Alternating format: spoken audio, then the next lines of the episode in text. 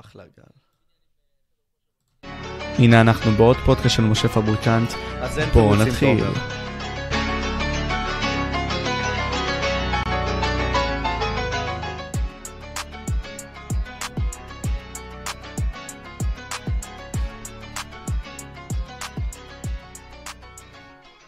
אז איך זה עובד, אחי? כאילו, למה, למה שאנשים לא ילכו לחדר כושר שיש להם אותו מתחת לאף? ודרך אגב, התחלנו, כן? כאילו... אה, אנחנו בזה? כן, אנחנו באוויר, מבין, אנשים פשוטים. אתה יודע. למה אנשים לא הולכים? אחי, כי... וואלה, אין לי תשובה לזה. נראה לי, נראה לי... אין לי תשובה לזה. אין לך תשובה לזה? אין לי תשובה, אני חושב, אני אגיד לך מה.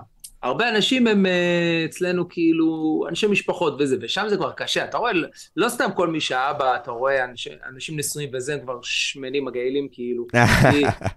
זה, זה ככה זה, אחי, זה ככה, זה קשה מדי. זה קשה מדי להצליח לשמור על, אה, על, על תזונה ועל כושר ועניינים וזה, ואין זמן, ואנשים עסוקים. אז, אה, אז אני, ואני רואה את זה, אחי, אני רואה את זה, חדר כושר ריק, זה לא יאמן. זה הזוי. ואתה יודע, בסופו של יום, כאילו, אנחנו מת... מתמכרים לתחושה הזאת שהכל נגיש, אבל הכ... בעצם הכל מול העיניים שלנו, אנחנו לא באמת עושים איתו משהו. טוב, לפני שאנחנו נתפלפל בשיח, כן? אה, קודם כל אני רוצה לעשות שירס עם uh, הבחור כאן, גיל גולן. רוצה לבוא ולהציג אותו כמובן, כי אמרתי לו כזה שאני אציג אותו, אז uh, כן. סרחה שלו. הבן אדם שלנו היום הוא יוטיובר, במאי, bad boy. המצחיק, השרמנטי, אל המין של היוטיוב בישראל. מה אתה אומר? מה אתה אומר? ועוד הרבה מאוד תוארים מגניבים, וזה כאילו... God damn. God damn, ברה. God damn, brother. טוב, קודם כל צ'אט, uh, שמח לראות אתכם. נתחיל מזה. מה יש לך בקפה? כל מיני כאלה. משה, כל הכבוד לך, באמת שאפו ענק, שהבאת את הבן אדם הכי אנדרטית ביוטיוב. הבן אדם הוא מנותק מכל הקהילה של היוטיוב, הוא סיגמה, הוא לא צריך את אף אחד, אחי. אז בוא נתחיל מזה. אני גם לא בגיל, אחי, זה קצת בעיה. לא. אחי, כולם שם זה ילדים, זה שונה, זה בעיה. ניסית אבל, אתה יודע, לעשות מינגלינג איתם? אנחנו כל הזמן מתמנגלים, אחי, אנחנו בקשר, כאילו, אנחנו גם במפגשים, באירועים, בכל מיני, אנחנו, אנחנו מכירים, כולנו. אה, שם, פשוט, אה, אתה יודע, לא יודע מה, אני אלך לווילה עכשיו, בריכה, וזה נשמע מוזר, אחי, שסובבו שם ילדות בנות, אה, אחי, אתם ילדות בנות 19 בווילה, לכאורה, ייקחו אותך לאפסטין island. אתה יודע, פתאום אני מרגיש זקן כזה, תתלבשי, אז כזה, אז... חווית את זה. לא, אחי, אבל גם החיים כפרה, החיים לוקחים אותך, אתה יודע, אין לי הרבה זמן, אז אני מאוד כזה ממוקד, עושה את מה שאני עושה, טק, טק, טק, טק, טק, אתה יודע, גם אנחנו ניסינו לקבוע, אתה רואה, זה נדחה, זה פה, שם, זה לא דברים ש... קשה... Life. Life. טוב, בוא נעבור על עוד כמה אנשים. נועם רז, מה נשמע? צ'יטה, מה נשמע? פוטווין, מה נשמע? אמ, אלחנן אליגניב, וואי, אני מתנצל אם טעיתי בשם. אלי אלאסף, כל מיני כאלה. תודה רבה לכם שאתם נמצאים פה, יא מלכים. טוב, בכללי, תשמע, וואלה, אתה יודע, אמרתי לך, נהנה מהשיט שלך, אחי. אני אישית, באיזשהו מקום, הפסקתי לראות סרטים, אבל גם אני רואה סרטים. והניתוחים שלך, אתה יודע, מהווים איזשהו fresh air בכל העניין הזה. Mm-hmm. אני זוכר שאמרת לי שהיו לך השפעות כמו וייסקרק ועוד הרבה מאוד כאלה, אבל מה, אתה יודע, מה משך אותך בעולם הזה של הקולנוע? אני זוכר, אמרת כזה בכמה מהרעיונות שלך, שזה המקום הזה שכאילו פשוט נדחפת אליו סוג של היית התלמיד הפחות טוב הזה, תתקן אותי אם אני טועה. Mm-hmm. ופשוט אמרת כזה, אוקיי, כאילו, פשוט נפלת לשם, ואיכשהו התחלת לשחות שם. מה תפסת יפה בזה, אחי, בעולם הזה? באיזה שלב? מה תפס אותי? בהתחלה, אחי, בהתחלה. אם תפסת בכלל, בפעם הראשונה שבאמת נחשפת לז'אנר הזה, בצורה הזאת, בבית ספר וכל מיני כאלה, אם זה בכלל עניין אותך. עניין אותי, אבל אתה יודע, כמו כולם, אוהב לראות סרטים. אוהב לראות סרטים, אבל היו לי, כאילו לאורך השנים היו לי רגעים, כאילו שבאמת סרטים תפסו אותי, שחוויתי, והיו דמויות, כאילו בשלב מסוים, נראה לי שהגעתי לגיל 20, גיליתי שהרבה מודלים נכון, נכון בחיים, אה, אה, כל מיני מודלים מעצבים אותך, אתה יודע, הכרת את ההוא, שהוא עשה לך ככה, וכל מיני דברים, ואז גיליתי שפאקינג, הרבה מהאישיות שלי נבנתה על מודלים של אה, אה, מסרטים ומסדרות בעיקר, כאילו ממש אה, היו דמויות אה, הערצה בשבילי, דמויות שגדלתי, ואז הבנתי זה משהו עמוק יותר, הבנתי שאני מאוד uh, I'm into this shit. ואז כאילו, אתה יודע, בתיכון או משהו כזה, פתאום קניתי ספר, פתאום כזה התחלתי, קניתי ספר שמנתח סרטים, פת, פתאום גיליתי שאני מאוד אוהב את העניין הזה, אתה מבין? זה לא שאני, אתה יודע, אהבתי שיעורי ספרות או משהו. זה, זה היה לי קל, אבל לא אהבתי, זה לא עניין אותי, אין לי איזה קטע כזה מאז ומתמיד. ואז גיליתי שאני מאוד uh, מחבב את זה, אבל זה עדיין היה תחביב. ואז שהגיע הזמן שצריך ללמוד משהו, כי יש זמן כזה, צריך ללמוד, צריך ללמוד. עכשיו זה גיל הזה שצריך ללמוד. אמרתי, מה אני אלמד? מה אני אלך ללמוד? מה אני, כל, כלכלה? מה אני אעשה כאילו עם החיים שלי? כוס סוך ואז אמרתי, טוב, אוהב סרטים, זה התחביב שלי, אני אלמד סרטים. כאילו, ואתה יודע, זה היה מין אה, מקום כזה של אה, זרימה, של ללכת אחרי דברים שאתה אוהב. אתה מבין מה? אני לא מסיים. I know what you're saying, ועם הזמן, אתה יודע, אני טיפה אקפוץ, כן, אבל יש את העניין הזה שאתה, נגיד, סתם הסתכלת על אותם גיבורים באותם סרטים וכל מיני כאלה, ואני לא יכול לדבר עכשיו עם מה אני אעשה. אז בכ... אני לא, אין לי, אין לי. אני מתנצל על ההפרעה. אין לי, אין לי. אני, אין לי. טוב, בקיצור, אם אני בלילה... מה זה? מה אתה מדבר שם? מה קורה שם? לא, יש שם סלוטייפ, אחי, צריכים אותי כל מיני כאלה. אז אמרתי, לא, אין לי סלוטייפ. אני נעלתי כפרה. אני נעלתי. סגור לי הארונית. תקשיב, אז לי. בקיצור, יש את כל העניין הזה שאמרת עכשיו בנוגע לגיבורים, שלקחת מהם איזושהי השראה והכל. Mm. אתה הפכת את עצמך באיזשהו סרט לגיבור, לדעתי. או יותר נכון, mm-hmm. היית מין סוג של שופר לדברים שרצית להעביר. מה עבר לך במחשבה שעשית את הסרט הזה שנקרא Family Affairs? כאילו, מה, מה עבר לך? כן, משפחת, משפחת חולני, וואו, מה עבר לי? תשמע, זה... זה, תראה, יש קטע. יש, יש, יש הבדל בין מה אתה אוהב לעשות, אוקיי, אני גיליתי את זה, אוקיי, כיוצר, אני גיליתי שיש פער מאוד גדול בין מה שאתה אוהב, כלומר, אני הכי אוהב, אה, בוא נגיד אנימציה. לדעתי אני הכי אוהב סרטים אה, באנימציה, כאילו. אה, זה הדברים שהשפיעו עליי הכי הרבה, הכי, הכי עמוק לדעתי, אני הכי אוהב את המדיום הזה, אבל בפועל, שאני צריך ליצור, לא יוצא ממני עלילתי, יוצא ממני דוקו.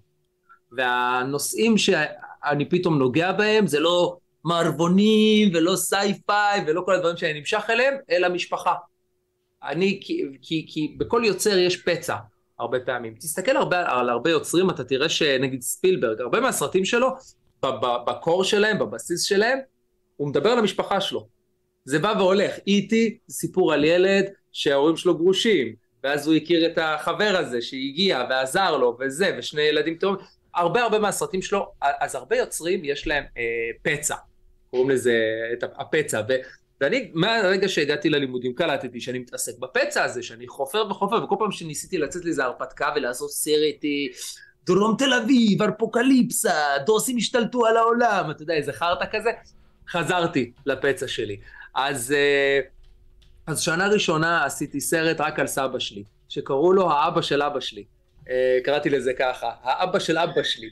וזה היה סרט קצר, קורע מצחוק, כולם מאוד הרימו לי. ואז אה, שנה ב' פתאום התעסקתי באבא שלי. ופתאום קלטתי שזה החרא שעולה ממני. ואז הגיע סרט סוף שנה, ניסיתי לעשות מלא סרטים, אמרתי אולי נעשה ככה, אולי נעשה ככה, יצאתי לאיזו תקופת התפזרות הזויה, ואז אמרתי, שנייה, תתמקד. מה... עצור שנייה, מה מעניין אותך? בום. נכנסתי עמוק עמוק לפצע, ואז אה, התחלתי להציף את הדברים שהכי מפריעים לי, שבאותה תקופה הייתה הבעיה שלי אה, להיות נאמן ולהיות בזוגיות. אני, אה, הייתה לי תקופה, אני הייתה, היה לי איזה תקופה בחיים שבשנייה שהייתי מתחייב למישהי, בשנייה שהייתה לי חברה, אני פתאום נהיה כאילו חרמן, החרמנות עולה, אני, אני בוגד, אני פתאום רוצה פי אלף נשים. עכשיו, אם אני לא איתה, אני רגוע, לא בלחץ, אבל בשנייה שאני בזוגיות, אני חייב להיות עם עוד נשים. ואז אמרתי לעצמי, אוקיי, fuck, מה זה הדבר הזה? כאילו, אז זה, זה, זה כאילו, זה, שנייה, לא להפריע, אני בזה, בלייב. בקיצור, זה, איזה מצחיק, בדרך כלל זה, כן. בבתים, בדרך כלל הילדים אומרים את זה להורים, אני פה כזה, אני בלייב, די כבר. אבל פתאום האבא נכנס לדמות הזאת, אחי, שלו, כן. בתור יוצר תוכן, לא, לא, לא. קיצור, אז אה, איפה הייתי? אה, אז אוקיי, אז, אז הייתה לי בעיה של לשמור על אה, זוגיות, והייתה לי גם אה, אה, אה, כמה בנות שפגעתי בהן מאוד, ואמרתי, טוב, אני לא, אני לא הולך לשחזר את החרא הזה, אני לא הולך להיות כמו אה, תקופות, דברים שאבא שלי היה, וסבא שלי שעד היום, או כזה עם מלא נשים וכל מיני, אני לא הולך ללכת לכיוון הזה, בוא נפתור את העניין הזה, יש לי פחד ממחויבות, כי, כי מה כל הבוגדנות הזאת הייתה? היא הייתה פחד ממחויבות, בשנייה שנכנסתי לקשר, זה בדיעבד אני מבין, כן, אז לא הבנתי למה, אבל בשנייה שנכנסתי לקשר, הרגשתי לחץ, הרגשתי כלא, הרגשתי את כל השליליות של הקשר, כל הדברים שמפחידים אותי בעצם לשחזר את החיים של ההורים שלי, בלה בלה בלה, ואז הדרך שלי בעצם לחבל לעצמי, היה ללכת לנשים אחרות, הם היו כאילו הפתרון לכלא הזה שנקרא לו זוגיות. אז אמרתי וואלה, התחלתי להבין את זה קצת, אמרתי יאללה בוא נעשה על זה סרט. ואז עשיתי סרט סופר מדכא. גם, נכון, גם העליתי את הסרט הזה ליוטיוב שלי, נכון? כולם כזה, יאיי, שובר מסך העלה סרט, צחוקים. אחי, אפל אחוז שילינג, מבאס רצח. כי שוב, זה הפצע, זה, זה, יש בין זה ובין מה שאני עושה ביוטיוב, שני, זה שני דברים מאוד שונים. אז, אה, אז זה, הפ... זה סרט שהוא מאוד מאוד נגע לי בפצע, וממש חפרתי עליו, ממש, אה, והוא שינה לי את החיים. וואלה. כאילו אם עכשיו לא היית יוצא להרפתקה הזאת. שינה לי את החיים. אם לא היית יוצא להרפתקה הזאת. נשוי, של... לא הייתי נשוי עם ילדים עכשיו. מה אתה אומר? לא הייתי נשוי עם ילדים, בשום צורה, בשום מצב. שינה לי את החיים, הסרט הזה. עברתי בו תהליכים, זה, זה ריפוי עצמי, אחי. הלכתי לפסיכולוגית במשך שנה וצילמתי את הפגישות במשך שנה. נכנס לסרט איזה רבע סצנה, אבל באמת, יש לי גלם של שנה שאני יושב עם פסיכולוגית, ואז אתה חוזר הביתה. אתה יושב, אתה עורך את הטיפול הפסיכולוגי שלך, אני מגיע שבוע אחרי זה לפגישה, והיא אומרת לי, בואנה, אני בחיים לא ראיתי בן אדם שככה מטפל בעצמו, כי, כי אתה יודע, אני יושב ועובר בחומר ורואה מה היא דיברה איתי, ואני מבין דברים בעצמי. אז זה היה ממש תהליך, וזה אחד הדברים שלימד אותי, באמת שאתה יכול לשנות את עצמך. שאתה יכול, אתה מחליט מה אתה, אוקיי? שום דבר לא מוכתב לך מראש. אתה יכול, אם אתה רוצה, אתה יכול לשנות כל דבר בך. אתה יכול ממש להשתנות כבן אדם, ואני שיניתי את ה-DNA שלי בתקופה הזאת, וזה היה שינוי שמאוד מאוד רציתי, מאוד. אז... זהו, סיימתי, זה היה חתיכת מונולוג, אה? לא, אחי, אני אוהב את זה. נעשה יותר פינג פונג, אחי, אל תדאג. לא, הכל טוב. קודם כל, תשמע, אני בן אדם שאוהב לשמוע אנשים, ואוהב אה, לעשות אחרי זה, אתה יודע, הראיתי לך את זה גם כשדיברנו בהתחלה. תשמע, באיזשהו מקום אני אומר לעצמי ככה, אתה כאילו חיברת את הנקודות, היופי בסרטים, כמו היופי ברעיונות, כמו היופי בהרבה מאוד דברים שאנחנו מצלמים, האותנטיות הזאת, במידה והיא באמת אותנטית, היא מאפשרת לנו לחבר את הנקודות. אוקיי, באותו זמן, נגיד סתם חיברתי ביומן הזה את המשפטים האלה. למה עשיתי את זה? איפה הייתי בתקופה הזאת בחיים? ציירתי את זה, אמרתי לך, נגיד סתם את הציור. אוקיי, אז זה אומר עליך משהו, כי זה בא מהנפש שלך, זה בא מהדברים העמוקים שלך, הדברים שאתה לא בהכרח חושף. ואז זה בעצם מראה את מי אתה. וגם בעצם העובדה שאתה צילמת, וזה משהו נפלא היום, אחי. אתה יכול פאקינג לצלם אותך בתהליך האישי שלך, ואז להגיד, אוקיי, אני הייתי שם, למה עשיתי את זה? אוקיי, ואז אני מצלם תהליכים שונים בחיים שלי. אז אני אומר, טוב, אבא שלי היה כזה, טוב, סבא שלי היה כזה, אוקיי. אז יכול להיות שזה משהו קומפלקס משפחתי שאני צריך לפתור בעצמי ולהיכנס לתוכי כן. בשביל לפתור את זה כזה, משהו בסגנון. זה מדהים, אחי, זה מדהים לראות את זה, בצורה כן, ביקורתית כן, כזאת. כן, כן, אחי, אני, אני רק חושב כל הזמן שאם, כאילו, אם הייתי מקדים את זמני בזמן, אז, ובמקום לעשות סרט דוקומנטרי, אם הכל היה עולה ליוטיוב. כלומר, כל התהליך ביוטיוב. תחשוב מה היה קורה. אחי, אני איפשהו מתבאס על זה, כי, כי יוטיוב רק אז התחיל, פחות או יותר. היה כזה בהתחלה. אה, ו, ואם זה, אם, אם הייתי מתחיל להעלות את כל המסע הזה ביוטיוב, זה היה fucked up, אחי. הייתי מיליונר היום, אחי. הייתי גרוש. כל היום מפזר כסף ככה, זה היה פשוט, לא יאמן אם זה היה עולה ליוטיוב. עשיתי סרט דוקו, ראו אותו כמה אנשים, ואתה יודע, וזה כמה פרסים, אבל זה נמחק, כי זה סרט, אין מה ל... לא- זה לא יכול לתת fight למדיום אה, כמו... כמו המדיום הזה, כאילו, של יוטיוב הזה. אז בוא אני אתקיל אותך, כאילו, אני אומר לעצמי, תשמע, אני גם בתהייה עם עצמי. היום, אתה יודע מה, עזוב אותך, היום חבר שולח לי הודעה, אומר לי, אני קורא את 48 עקרונות הכוח של רוברט גרין, בטוח שאתה מכיר את הסרט, את הספר, אוקיי? אוקיי. הוא אומר לי, תשמע, בספר, הספר הזה, למי שלא מכיר, מתאר בעצם את השיטות של הרבה מאוד מנהיגים בשביל להגיע למטרה שלהם. הכל משרת את האמצעים, המטרה משרת את האמצעים, אוקיי? אז הוא הסתכל על כל הדברים שהם עשו, ואמר לי, תשמע, משה, אולי אני אהיה מניפולטור כמוהם, וכל מיני כאלה, כי אנשים עושים לי רע. אז אמרתי לו, תשמע, אחי, יש לך שתי גישות בחיים, אחי. זה או שאתה נעשה כמוהם, ואתה משתמש בכלים שלהם כנגדם או נגד העולם, או שאחי, אתה אומר שיש פה רוע בעולם, ואתה שם לב אליהם, כמו שאמרתי לך לפני כן, לפני הרעיון, מסיבה כלשהי, אה, ואתה פשוט בוחר להיות עם האור שלך ולפתור את הבעיות האלה. לראות, להבין שיש אנשים רעים בעולם, לזהות אותם, ואז לעשות את מה שאתה רוצה ביקום הזה. אתה מבין? אז כאילו זה הסתכלויות שונות בנוגע להכל, אז אני שואל אותך כאילו, כמה חשוב להיות אותנטי? היוטיוב מראה שכן. אני לא יודע, אבל עד כמה זה חשוב, אחי. אתה חייב להיות אותנטי. אתה, מה, מה זה אותנטי, אוקיי? כשאני מופיע ביוטיוב, כן, ואני עושה, כן, כן, כן, ואני כזה קצת יותר רועש וקצת יותר זה, אז אתה יכול להגיד זה לא אותנטי, כן? כי זה שואו שאני נותן, אוקיי? זה סוג של דמות כזאת אקסטרה, אתה יודע, אם אתה תקפוץ אליי הביתה, אנחנו נשב על קפה, אני לא כזה, אני לא יושב לדבר איתך ככה, אחי, זה מתיש. כן, אתה יודע, אני גם יש לי ימים שאני כאילו בדאון, אחי, ואני מאוד כזה, בקושי מדבר, לאט כזה והכל, כמו כל בני האדם. אבל ביוטיוב אז אני לא אותנטי בצורה מסוימת.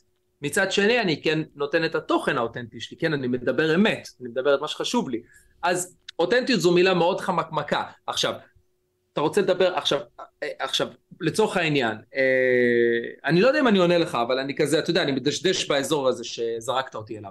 אה, אם אתה, בכל מקום שאתה נמצא, אם אתה עם המשפחה שלך, יש לך אישיות מסוימת, כמו שאתה עם החבר'ה שלך, יש לך אישיות מסוימת, אם אתה עם הבת זוג שלך יש לך אישיות מסוימת.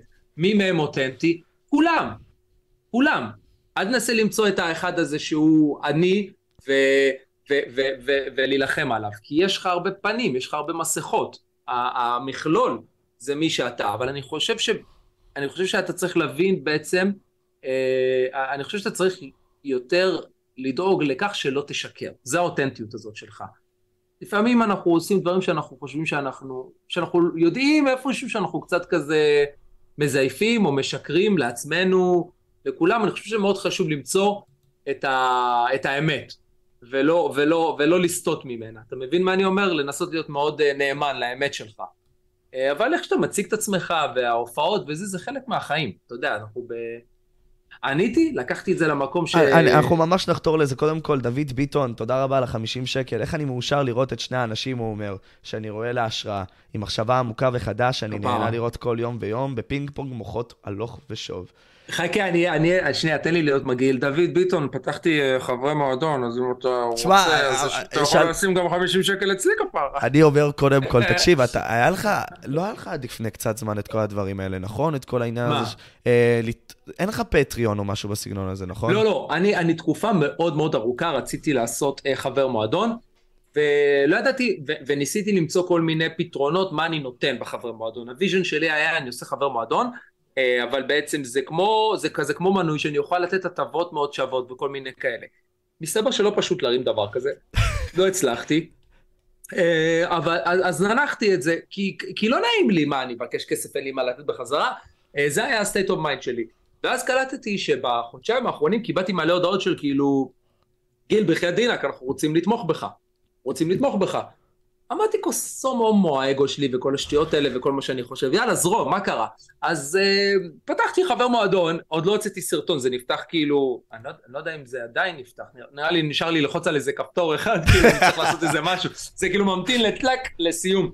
אז uh, זה ממש כאילו קורה בימים הקרובים, שאני פותח כאילו, ומי שרוצה, אה, מוזמן לתמוך, מה אני נותן? נותן כל מיני דברים, אני לא עושה פה עכשיו promotion על, על הפודקאסט. תעשה, תעשה promotion. לא, לא, יעלה, יעלה סרטון, יעלה סרטון שאני אסביר הכל, לא נותן יותר מדי, זה יותר בקטע של מי שבא לו, בכבוד, מי שלא, לא, אתה יודע, זה בא ממקום כזה, כאילו לא, לא מחייב יותר מדי. אה, אנחנו לא אנשים שמתחייבים, אחי, יותר מדי. כן, אחי, מה קרה לך? חוץ ממני שאני נשוי. אה, לא, כן, אתה כבר הפסקת, אתה כבר הפסקת. בוא נתחיל, בוא ניכנס למקום קשה עכשיו. לפצע, אחי, נחפור, ניכנס לאמת. לא, אבל אה, קודם כל, מה רשמת עד הסוף? אה, דוד, לא קראתי. תוכן העמוק שלו, וגם ככה, גם אתה, שני גאונים. תודה רבה לך. גיל, מה הטופ שלוש סדרות שלך? IGZ שואל, יוטיובר גם. סטרימר, אחלה גבר. וואי, קשה לי עם השאלות האלה. הטופ שלוש סדרות שלי, כי זה כן. כל פעם משתנה. אח שלי, משגע לא, אותי. תקשיב. Titanfall. אוקיי. אה, לא, לא. לא Titanfall, מתקפת הטיטנים, Arcane, הכל אנימציה, אה? אני לא יכול להפסיק עם האנימציה הזאת. Titanfall, Arcane, אה, אני חושב ש... בית הדרקון, אבל זו תקופה, אתה מבין? שנתיים אחורה הייתי במקום אחר, אז זה עכשיו בית הדרקון, ארקיין ומתקפת הטיטנים. בדוק, אחי, בדוק. אז קודם כל, תשמע, אני רוצה לחזור לאמת טיפה לחפור, אחי, וכל מיני כאלה. כאילו, תשמע, כולנו דמויות במשחק הזה הגדול שנקרא החיים. נראה לי אמר את זה איזשהו חכם סיני או שייקספיר, לא יודע, אחד מהשניים. אבל תשמע, אני אומר לעצמי, אם אני איתך, בצורה הזאת מדבר, עם האולטר אגו שלי, זה הרי Mm. בא עם הפלט שלי. האם חשוב יותר הכוונות שאני בא איתן? המ- ה- הכוונה שלי היא טובה לשיחה שאני עושה איתך והכל? או שפשוט העיקר הוא לא לשקר באינטראקציות וכל מיני כאלה מבחינתך. לא לשקר. לא לשקר, כי אתה לא תבין אף פעם מה אתה. עד שאתה תבין מה אתה, אתה כבר תשתנה. הרי אתה משתנה, הרי אתה, אתה יודע, אתה בן אה, 19. מי היית לפני שלוש שנים? מי היית לפני שלוש שנים? פוסי אס, אחי. מה, בן אדם אחר לגמרי, אחי, ואתה עוד בן 19, אז אתה לא מבין מה זה שלוש שנים. בשבילי שלוש שנים, אחי, זה ארבע חרבונים בשירותים, זה כאילו, זה, זה ככה, זה אני הולך, קם בבוקר ככה, לוקח את הילדים, חוזר, חוזר, חוזר, הולך לצקקי, בום, עברו שלוש שנים. זה, הזמן הרי, אתה יודע, זה גרף כזה הזוי, גם המוח שלך תופס זמן ככל שאתה גדל, בצורה אחרת. שלוש שנים זה בום, זה בום, זה שנייה.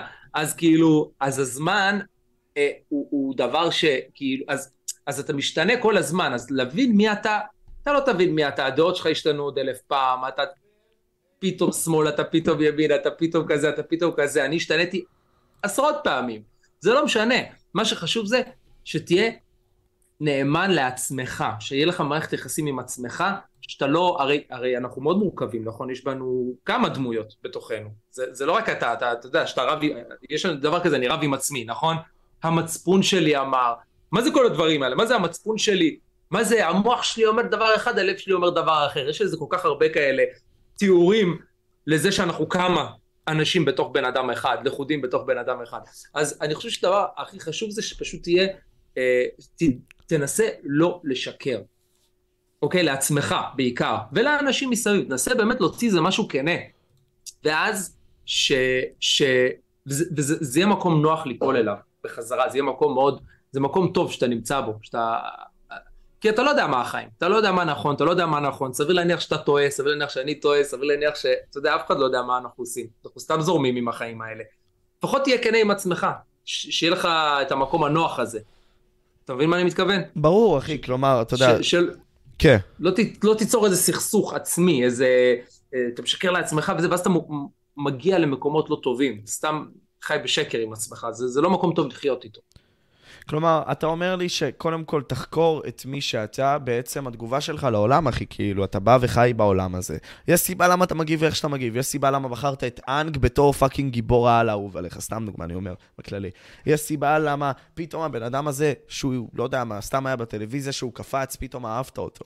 זה אומר עליך הרבה מאוד דברים, ואתה אומר לי, Mm. תשמע, כאילו, תנסה לבוא ולהבין מי אתה ותהיה כנה עם עצמך, ואל תדחיק דברים כי החברה אומרת אחרת. תהיה אתה, אחי, כאילו, באיזשהו מקום, אתה יודע, היופי שאני מצאתי אצלך, באומנות שלך לפחות, גם באותם סרטים, אה, לפחות בסרט שאני ראיתי, הכנות הזאת, ללא תנאי, אחי, השופר הזה לאמת. טופק מאוד תופס אותי בזה, כאילו, על להיות השופר לאמת הזאת, החיה המוצעת הזאת, מתוך הלב, אחי, לא אכפת ההשלכות. אה, קראתי את זה, נראה לי, לפני כמה ימים, מרקוס אורליוס, קיסר רומא, בא ואמר, תהיה כנה ותהיה אמיתי, ביץ', לא משנה מה התוצאה, אחי. ואם אתה תהיה, תעשה את זה, אחי. אין סיבה שזה יכאב לך יותר מדי. גם אם יהיה לזה השלכות. לפחות אתה מת עם זה ב- בלי חרטות, כאילו. חד שלב. משמעית, אני אתקן אותך, אבל כי אמרת ש... אני לא אמרתי שתנסה להבין מי אתה, אני חושב שלנסות להבין מי אתה זה מין... אה, זה מקום קצת אה, בעייתי. אוקיי, שוב, כי אתה משתנה. עד שאתה תבין מי אתה, אתה כבר בן אדם אחר. זה מין, זה מין מרדף כזה אינסופי.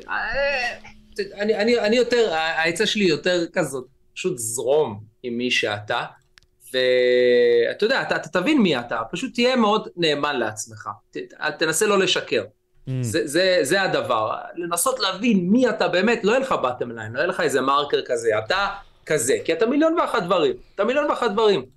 אתה יכול להיות בן אדם מדהים עם הזולת, אבל בתוך זוגיות אתה תהיה חרא של בן אדם. שני אנשים שונים, אתה יכול להיות בן מגעיל, כן, אבל אבא מדהים. אתה יכול להיות, אתה יודע, זה כל כך הרבה דברים שאתה יכול להיות, אתה יכול דווקא, אתה יכול להיות עם הקהילה שלך ביוטיוב מקסים, אבל אתה חותך מהחברים שלך, אתה בכלל לא עונה להם לטלפונים. אז מה אתה?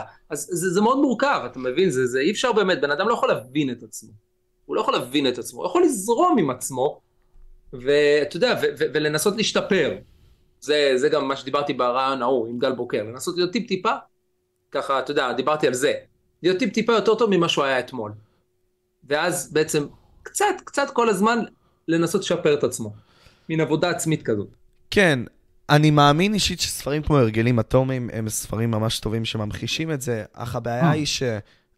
הרבה מאוד מאיתנו מנסים לעשות שינוי, אבל המשתנים בחיים שלנו כל הזמן, אתה יודע, הולכים. כאילו, נגיד סתם, אה, יש לנו, נגיד סתם את הבית ספר, ופתאום יש לנו את ההורים, אז כאילו, זה לא נותן לנו לבוא ולהתרכז בדברים שאנחנו באמת רוצים. אבל אנשים מבוגרים, סתם דוגמה, אתה יודע, רוב החיים הם אותו דבר בערך, כאילו, אפשרי לבוא ולהגיד. אז אפשרי, אתה יודע, להציב לעצמך מין סוג של יעד מסוים. אוקיי, סבבה, שעה ביום, סתם דוגמה, לקרוא ספר.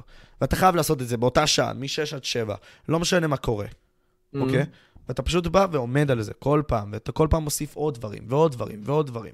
עד שאתה נעשה, אחי, בן אדם יותר חזק, בסוף השנה. כן. כן, חד משמעית. זה, זה, זה הרגלים אטומיים, תשמע, זה קודם כל ספר שקראתי אותו לפני מלא זמן. אה, קשה, קשה מאוד ליישם אותו, את הספר הזה. מסכים, הרבה... גם לי קשה, אחי, אבל... היה לי, היה לי איתו, באמת, ההרגלים זה דבר, זה סרט. בכלל, יש תיאוריות שאומרות שאנחנו, לא באמת, יש לנו שליטה על השיט שלנו, שאנחנו במין כזה, מין אשליה של שליטה. יש כל מיני תיאוריות כאלה שאומרות, זה, זה, זה מרתק. אה, זה באמת קשה. אבל אה, כן, אני... אני הכי בעד המקום הזה של שיפור והכל, אבל פחות לנסות לפצח. להתאבסס על מה אתה זה... הוא בעייתי קצת, על להתאבסס על מה אתה, כי אתה לא יודע מה אתה. כן, אני לא יודע. אתה גם לא תדע יותר מדי. כן, אנחנו סתם מטומטמים, אחי, בעולם הזה. בורים, אחי. מה אתה? אתה כמו מיליון אנשים אחרים. מה אתה? אתה יודע, זה כל הזמן, אתה בטוח שאתה כזה, זה כמו שלי, יש לי רעיונות כזה, אני כזה, אה, אה, אני בטוח שאני איזה יצירתי, ואז אני כזה, אוקיי, אני פשוט חלק מאיזה גל מסוים עכשיו שחושב את זה, ואתה יודע, זה חלק מעניין, אנחנו עדר מסוים, אז האינדיבידואליות היא כזה מורכבת. כן, אחי, אנחנו עדר שרמוטה, כלומר, האלגוריתמים האלה שולטים עלינו. נראה לי קראתי את זה גם אתה יודע, דיברנו על ז'אן, אה, איך קראת לו? איך, איך קורא? איזה שם מסובך יש לו, אחי. מה, בודריאר? בודריאר, כן. אז בספר שלו, ולמי שלא מכיר, אוקיי, הוא נתן השראה ממש לספר הזה של המטריקס. הוא כאילו אמר, תשמע, הרשתות האלה באיזשהו מקום נותנות לך כל כך הרבה מידע, שבסוף אתה מאבד את עצמך במידע ואתה לא יודע איך לתפוס את הכל. אז כאילו, תשמע, איך אתה מנסה לתפוס את עצמך, אתה יודע, ברשתות האלה, לנסות להבין מה אתה, מי אתה, זה מסובך, אחי, זה כאילו דברים, אנשים שולטים לנו על המוח, literally, מפעילים כזה, טק טק טק, כדי שאתה תישאר ב fucking אפליקציה הזאת. זה ממש ככה, זה ממש ככה. זה ממש ככה. זה הזוי. אבל בוא, בוא, בוא נתעסק טיפה בסרטים, אחי, טיפ טיפה, אתה יודע, אני רוצה טיפה ניגע בזה. מה הכי ריגש אותך? איזה סרט הכי ריגש אותך? אותי, נגיד, הכי ריגש המטריקס, כי באיזשהו מקום זה נתן מקום... הראשון? הראשון. אה, באיזשהו מקום זה נתן לי בתור משה, המקום ההתבטאות הזאת ל... לא יודע, להפוך להיות גיבור כזה שמנסה להבין את העולם ולחקור את זה וכל מיני כאלה. וחכה, פעם ראשונה ספר, אה, סרט ראשון, באמת רשמתי נוטס, אחי. משהו הזוי. אני גם נדפקתי מהסרט הראשון. אה, גם כשאני ראיתי אותו בזמנו, לא זה היה כאילו, היה תופעה הזויה. אז... אז היו לי הרבה סרטים, אחי, היו לי הרבה סרטים. אני לאחרונה ראיתי סרט, לפני, לפני איזה שבועיים ראיתי סרט שפירק אותי. פירק אותי, קוראים לו בל. אה, זה סרט האנימה. אה, אני לא יודע, אני לא יודע איך, אני, אני לא יכול להסביר עכשיו את הסרט הזה פה, כן? אבל זה, יש במאי אחד שהוא גם, הוא נוגע במשפחה, ב, ב, בעניינים של המשפחה, זה סרט האנימה. קוראים לו בל של ממורו אוסודה. בכללי, סרטים של ממור, ממורו אוסודה, ממורו אוסודה, תחפשו את הסרטים, הם סרטים דפוקים לגמרי, מדהימים, מרגשים אותי. וזה נתן לי כוח, אחי, זה נתן לי, זה סרט שנתן לי, אני שבוע שלם הייתי באאוט, באאוט, כאילו, מה זה באאוט? דווקא באין, לא באאוט, כאילו, פתאום עם המשפחה, פתאום מעניק לילדים שלי, מרוכז איתם יותר, כאילו טוב יותר, וכאילו, כאילו הסרט הזה גרם להיות טוב יותר. זה מדהים שסרטים עושים את זה. אה, וזה עובד עליי הרבה פעמים, שאני כאילו יכול לראות סרט, והוא ידפוק אותי. הוא ידפוק אותי, הוא יכול גם לשנות אותי. ראית את הסרט Good Will Hunting? האמת שלא, אחי. Good Will Hunting, אנשים, זה סרט מדהים. דיברנו על, על, על, על תהליך שעברתי עם משפחת חולני. זה אחד התהליכים. זה היה אחד התהליכים. ראיתי סרט שנקרא Good Will Hunting. זה סרט עם רובין וויליאמס, ושהוא פסיכולוג, של ילד אה, גאון, prodigy, הוא גאון, מאט דיימון משחק שם, זה הסרט שהוא, אה, שמאט דיימון ובן אפלק פרצו בעצם לתודעה. הם כתבו את הסרט והם משחקים בו. מה אתה אומר? אוקיי. ומאט דיימון שם הוא כאילו גאון מטורף, כאילו, אתה יודע, ברמה של כאילו האיינשטיין הבא, אבל הוא ילד ארס שהולך מכות וזה, והוא בכלל שרת בבית ספר, שבזמן הפנוי שלו בא ופותר משוואות שכותבים שם על הלוח בקטע של כאילו, עד סוף השנה יש לכם לפתור את זה. והוא כאילו, אתה יודע, מטאטא שם והוא כזה פותר את המשוואה. למחרת כל המרצים, מי פתר את זה? בקיצור, מדובר בבן אדם גאון, אבל הוא מפוצץ בפחדים. מפוצץ בפחדים. והוא עובר תהליך בסרט הזה עם רובין וויליאמס, שהוא הפסיכולוג שלו. וזה סרט ששינה אותי, שינה אותי. לפני כמה זמן ראית הזה, אותו? ראיתי אותו בגיל 21. בגיל 21 ראיתי את הסרט הזה, והוא שינה לי את ה-DNA. הוא, הוא ממש ממש ממש השפיע עליי. אני עברתי תהליך טיפולי ביחד עם הדיימון שם. כי היינו במקום דומה, גם אני הייתי כאילו פחדן שכאילו רק בורח מ... כאילו, אני נראה, נראיתי הכי לא פחדן, נראיתי כאילו הבן אדם הכי חסר פחד, אבל בפועל, מפחד ממחויבות, מפחד מזה, מפחד מאחריות, מפחד מהרבה דברים. אז, אה, אז, יש, אז, אז הסרט הזה כאילו ממש אה, נתן לי, שינה משהו מאוד עמוק בי. ככה בפנים כזה, לפעמים צריך כזה, משהו, לפעמים יש אירועים כאלה שדבר קטן משנה אותך, אז זה לי, זה יכול לקרות מסרטים גם. לא, לגמרי נתעמק בזה עכשיו. קודם כל, טייטן פלייס, מה הולך? אני אגיד לך משהו. קודם כל, העניין הזה של פרספקטיבה. היופי בסרטים, ואני לא יודע, מעניין אותי כאילו שגם תיגע בסרט הזה, אולי תיכנס לזה יותר. והנה, נכנס הקול שלי, שפתאום אני צרוד. אבל הפרספקטיבות, אחי, זה דבר כל כך יפה. מה זה הקול הצרוד הזה, תסביר? זה שאתה נהיה... זה כשאני נראה אמוציונלי כזה טיפה. שאתה נהיה רוחני. בכל מקרה, בכל מקרה. אה, תשמע, פרספקטיבות, אחי, אתה נמצא על הר, ואתה רואה את כל מה שעברת, אחי, במידה ועברת מסע. איזה יופי, זה כאילו... גם כשאתה עובר ריצת מרתון, אחי, אחרי כל הדברים האלה שאתה עובר, כל החרא הזה, פתאום אתה מרגיש בן זונה, אחי. למה? כי הגוף שלך עבר מה... חרא. וכאילו הסרטים באיזשהו מקום מעבירים אותך את זה. כי הם אומרים, הנה, זה המציאות של הבן אדם הזה, אתה צופה בו. שמע, זה מדהים שאתה מדבר על פרספקטיבות, כאילו, שאתה יודע, לא לזלזל. אחי, אתה בן 19, לא איזה... אה, לא מזלזל, אבל כפרה עליך. נגב את הזה, לא, אבל באמת, איזה, איזה פרספקטיבה יש לך, נגיד, אתה, סתם מעניין אותי עכשיו. כאילו, אתה על ה... על ה איזה, איזה תהליך עברת? כאילו שאתה מסתכל היום אחורה, אתה אומר, יש לי פרספקטיבה על הדבר הזה. בום! אה, יש שלוש... אותו, העיניים שלו ככה. לא, יש לי שלוש דברים. אה, דבר ראשון, עוד שנייה טבעתי ביום כיפור, ופעם ראשונה ש... כן, אה, זה היה באמצע הטירונות שלי. ואמר, וואו, סיפור מדהים, אחי, תקשיב, אוקיי. הייתי בטירונות וכל מיני כאלה, וממש כמה ימים לפני התביעה, או עוד שנייה התביעה, אמרתי כזה, אתה יודע, היה כזה מין סוג של הצגה שלנו, של שירים שאנחנו רוצים, אתה יודע, להשמיע לכולם וכל מיני כאלה בטירונות. ושמתי את השיר של טופק של גדו גספול, ששם אומר mm. כאילו, Peace to this young warrior without the sound of guns, אז אמרתי כזה, זה שיר שאני רוצה שישימו לי בקבר. ו- okay. אוקיי. וכל פעם, אתה יודע, במהלך הימים האלה תמיד שמעתי את העניין הזה של uh, The Good Die Young וכל מיני כאלה, של מסרים כאלה, אתה יודע, uh, אכילס בא ותיאר לעצמו שאתה יודע, הוא יבוא וייקח... Uh, כאילו, אכילס הוא מין סוג של גיבור יווני וכל מיני כאלה. אז בקיצור, הוא בא ותיאר את הדסטיני שלו בכך שהוא יהיה בן אדם עם הרבה מאוד ניצחון, יצליח בחיים וכל מיני כאלה, אבל ימות בגיל צעיר. עם כל הדבר mm. הזה. וככה הסיפור שלו יסופר.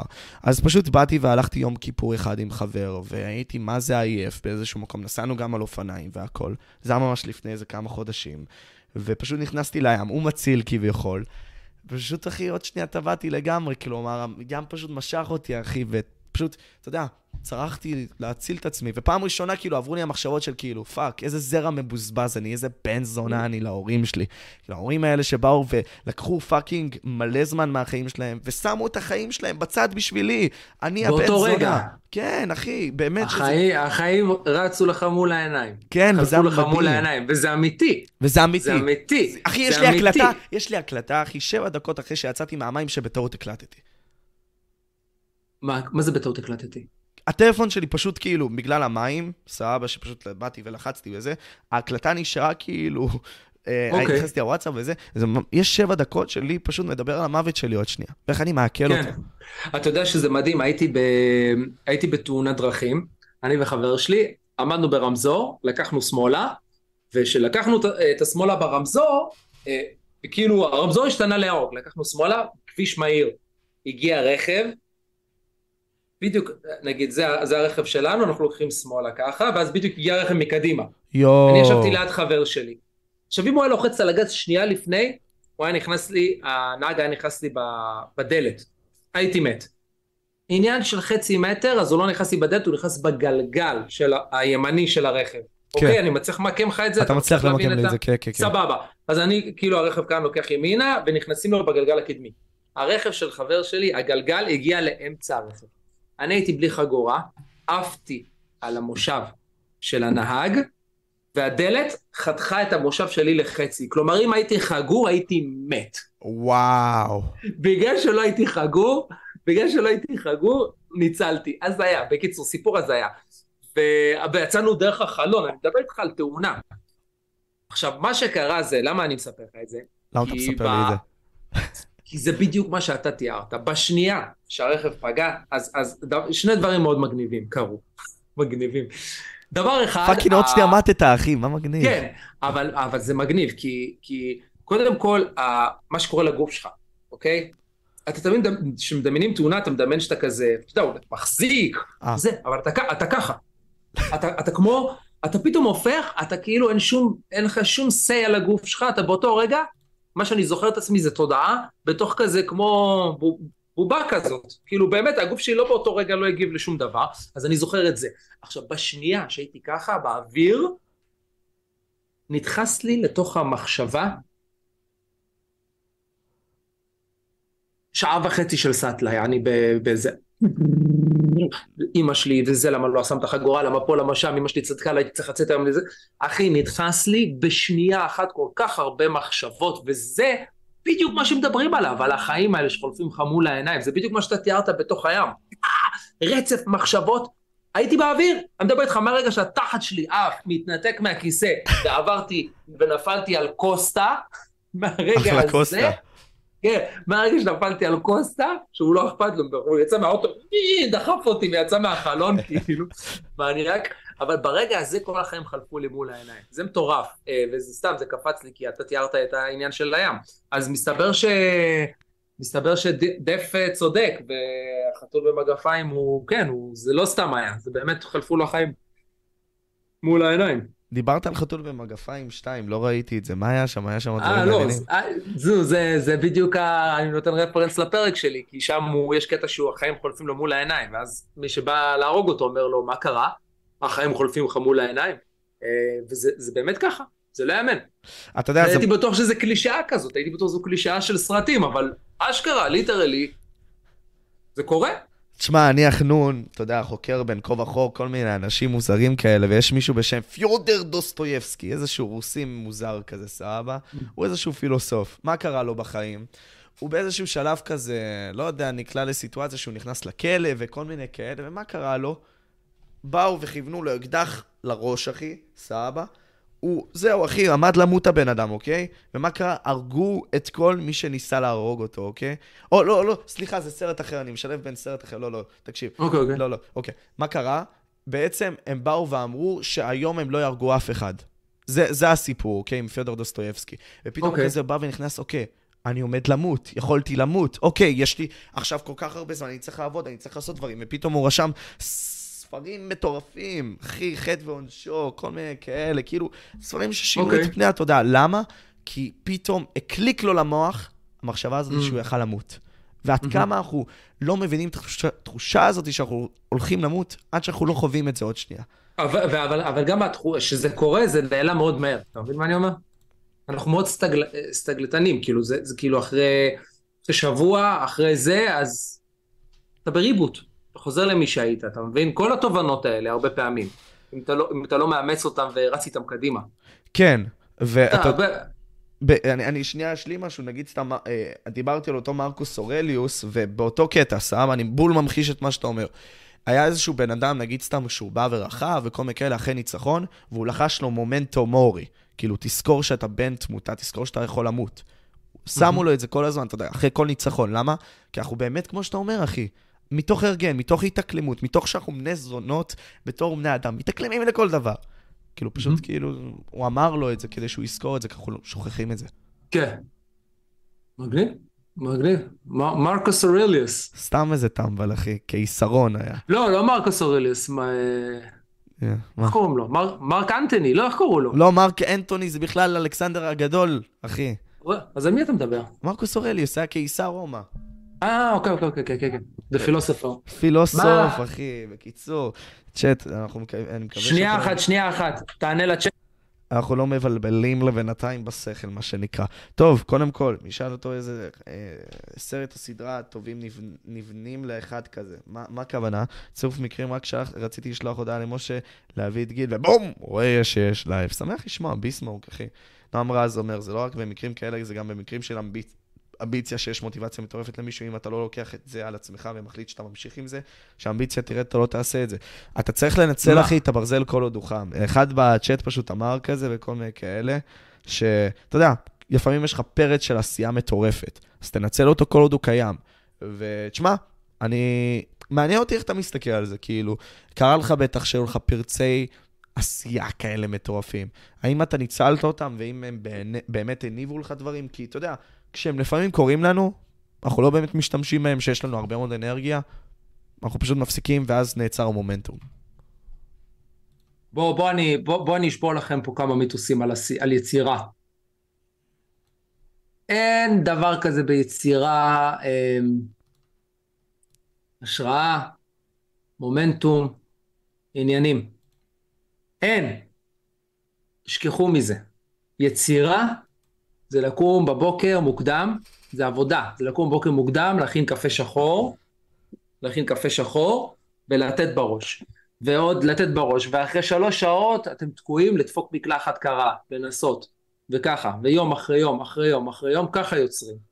אין את ההשראות האלה והדברים האלה, ויש, כאילו, יש ימים שיכולה ליפול עליך השראה, אבל זה כמו כל יום, זה כמו יום שאתה יותר מצחיק, או יום שאתה פתאום יותר חד עם בנות, שאתה מדבר איתן, או יום שאתה יותר...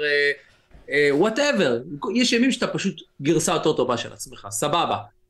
אתה לא מחכה לימים האלה בשביל ליצור, אתה לא מחכה לימים האלה בשביל עוד קריירה או, או לכתוב משהו טוב, אוקיי? ש, ש, ש, גם כשהתחלתי ללמוד, אז בספיר היו גם כל מיני כאלה של כזה, מחכים להשראה, הולך לים, מדליק ג'וינט, שיפול עליו איזה שכינה כזאת, איזה, איזה השראה לרעיון לסרט, לא, לא יפול עליך רעיון לסרט אם אתה תשב בים ותעשן ג'וינט, לא. קום בבוקר, תרביץ קפה שחור, תשב, תחשוב, עם מול דף ריק, שב כמו טמבל, מול דף ריק ככה, במשך ככה, ככה, ככה, ככה, בסוף יצא. זה עבודה. אז, אז היצ, יצירתיות, אין לזה, זה, אני, אני כאן מפשיט את, ה, את הרומנטיקה מיצירה. אוקיי? יצירה זה עבודה קשה. אם אתה בן אדם לא יצירתי, אז העבודה תהיה לך מאוד קשה, ואולי גם בסוף יהיה לך אחר התוצאה. אבל כאילו, אם יש בך... אה, אה, אה, משהו להגיד, מה זה בן אדם יצירתי? יכול להיות שאתה יודע, יש פשוט אנשים שאין להם מה להגיד, כאילו, לא בוער בהם הדבר הזה, אז לא, לא ילך להם, או, ש, או שהם ינסו ויש להם תהליך מאוד גדול שילך להם משהו, אוקיי? לא כל בן אדם יוצא ממנו דברים טובים, יש דברים, אנשים שטובים יותר, טובים פחות. אז, אבל, אבל צריך בכל מקרה, גם הטובים יותר וגם הטובים פחות, צריכים לתת בראש. אין פה, אין פה, אני לא מאמין ב... וגם אף פעם זה לא קרה לי, אני לא מאמין בפרץ הזה של היצירתי, כן, אני, אני לא קונה את זה, אני לא קונה את זה, חרטא. זה, זה אנשים, לדעתי זה אפילו מנגנון הפוך, זה מנגנון בריחה מלהתמודד, כי כתיבה, כתיבה, אתה יודע, לכתוב נגיד, יש כמה מקצועות, בוא נדבר על אומנות, אוקיי? יש כמה מקצועות ששמים... בוא נדבר על אומנות. יש כמה מקצועות שמים אותם בקטגוריית אומנות. כתיבה, שירה, אה, ציור, למה זה אומנות ולעשות קוד זה לא אומנות? למה זה אומנות ו- ו- ולשבת ו- ולהסתכל על מיקרוסקופ ולנסות לפצח איזה fucking גנים זה לא אומנות? אתה מבין? אז יש מין כזה צובעים, יש, יש ערימה של מקצועות כאלה אומנותיים נקרא להם שצובעים אותם תחת הכותרת אומנות. זה לא עושה למקצועות האלה חסד. אנשים בטוחים שעכשיו בגלל שהם באים לזה אז הם כזה יש להם, הם באים בגישה יותר כזאת, כזה רוחנית לדבר הזה. לא, זו עבודה קשה. אז אני אומר, אומרים לי, אתה יודע, הוא אומן. הוא לא אומן, הוא תסריטאי. הוא אומן. הוא לא אומן, הוא זמר. הוא לא אומן, הוא בסיסט. תנו לו את השם של המקצוע שלו, אל, ת, אל, ת, זה, אל תקראו, אל, אל, תקראו, אל תיתנו את השם תואר הזה, אומן. אומן, מה זה אומן? זה מישהו שהוא טוב בדבר הזה שלו. נכון. אז, זה, זה אומן בתכלס. כאילו. ההגדרה, ההגדרה בוויקיפדיה, אם נלך אליה, היא מלאכה נעשית על ידי בעל מקצוע שהגיע לדרגת מומחיות בתחומו. כן, מה, פתחת ויקיפדיה? עכשיו ממש בפניך. מהר, טוב, מעולה. אז זהו, סתם, ראיתי בתוכנית בוקר שישב איזה מישהו פלצן, לא זוכר באיזה הקשר, והיה כתוב תתה את השם שלו, ולמטה היה כתוב אומן. מה זה אומר? מה זה אומר, כפרה? מה זה אומר שאתה אומן? אומן מבחינתי זה כמו זיין. זה מבחינתי אומן. זה מישהו שהוא זיין בתחום שלו. מה, אני, הוא אומן בלכתוב קוד, הוא אומן במטבח. הוא טבח, אבל הוא אומן במטבח. הוא לא יבוא טבח עכשיו ויגיד אני אומן. אז אתה זיין. אז זה כאילו עכשיו הוא יישב בתוכנית בוקר ויהיה כתוב, גיל גולן, זיין. זה חרטא, זה שטויות, זה אוננות עצמית. אז כל המקצוע הזה של, דיברנו על השראה, למה, למה עכשיו נדלקתי? כי דיברנו על השראה, דיברנו על פרץ אנרגטי הזה, לתפוס את המומנטום, שום מומנטום, שום נעליים. עבודה, כמו לשבת עכשיו בטכניון ולנסות לפצח איזה, את, ה, את הגנום של, לא יודע, של נמלה, זה על אותו משקל, זה פשוט לשבת ולתת בראש, ובסוף משהו יצא. כי אתה מכוון לזה, כי אתה מנסה לכתוב משהו, בסוף יצא לך משהו, וזו עבודה מאוד קשה. היופי, קודם כל מישהו רשם, אתה זיין איזה שלוש שניות לפני שאמרת את זה, חטפתי פלאפה רצינית על זה, דבר ראשון. משהו הזה. דבר שני, אחי, כאילו, תשמע, הכוח של ההצמדה היא כל כך חזקה, כלומר, אתה רואה קומיקאים, אתה יודע, או מתמטיקאים, סבבה, אחרי עבודה מאוד אינטנסיבית באיזשהו מקום, אחרי שאפילו, נגיד סתם, אתה לא מצליח לפתור את המשוואה, גם מחקרים מראים את זה, אם אתה מתרחק מהבעיה, ואתה נגיד סתם נח, רואה דברים, כן, מיני, כן, נכון. אז אתה חוזר יותר חזק לאמנות שלך, או נכון. לדבר שאתה עושה. נכון. זה לא קשור אבל להשראה. זה לא קשור להשראה, זה פשוט זה לא. מצדיק את מה שאתה אומר. כן, זה לא השראה, זה, זה אתה צריך פרספקטיבה, אתה צריך כאילו להת- להתרחק מהדבר הזה, כי כשאתה נמצא במקום מסוים, אתה, אתה נכנס כבר לתבניות מחשבתיות, והתבנית, אתה נתקע. זה קורה גם בעריכה, זה קורה בהרבה דברים. כעורך בכלל אני יודע את זה, כי כשאתה עורך ואתה ברצף של אה, יום, סוף היום, או נגיד אתה עורך איזה פרויקט שלושה ימים, אז ביום השלישי אתה כבר, אתה מסתכל על הקאט, אתה לא יודע מה לעשות, אתה לא יודע מה לעשות איתו, אתה תקוע, המוח שלך תקוע בתבניות. קח הפסקה של יומיים, אתה תחזור, מה, ברור, למה זה פה, למה זה פה, בוא נחתך את זה, בוא נעיף את זה, למה הוא מדבר כאן, פתאום כל הפתרונות שם, כי התרחקת, יצרת איזה מרחק, זה למה גם אומרים שבמאי אסור שהוא יערוך לעצמו את הפרויקטים, הוא יותר מדי, אה, זה למה במאי צריך להביא עורך, כי הוא יותר מדי מעורב בתוך הפרויקט, המוח שלו תקוע בתבניות, מבחינתו הסצנה הזאת צריכה להיות פה, הסצנה הזאת צריכה להיות פה, בא העורך מבחוץ, מסתכל, אומר, שמע, בוא ניקח את הסצנה האחרונה ונתחיל איתה את הסרט, אתה יודע, הוא מגיע ממקום כזה, והבמאי, מה, אתה יודע, היה לי הרבה שיחות כאלה עם במאים שהם כזה, מה, מה אתה עושה? למה להוריד את הסצנה הזאת? אני מסתכל, ואומר, "כי- כי אין לה שום משמעות. אם אני מוריד אותה, הסרט נראה אותו דבר. ואם נוציא את הסצנה הזאת ונחבר את שתי הסצנות האלה, שהיה לפני ואחרי, החיבור שלהם ייתן משהו יותר טוב. הסצנה הזאת תוקעת אותנו, בוא נעיף אותה.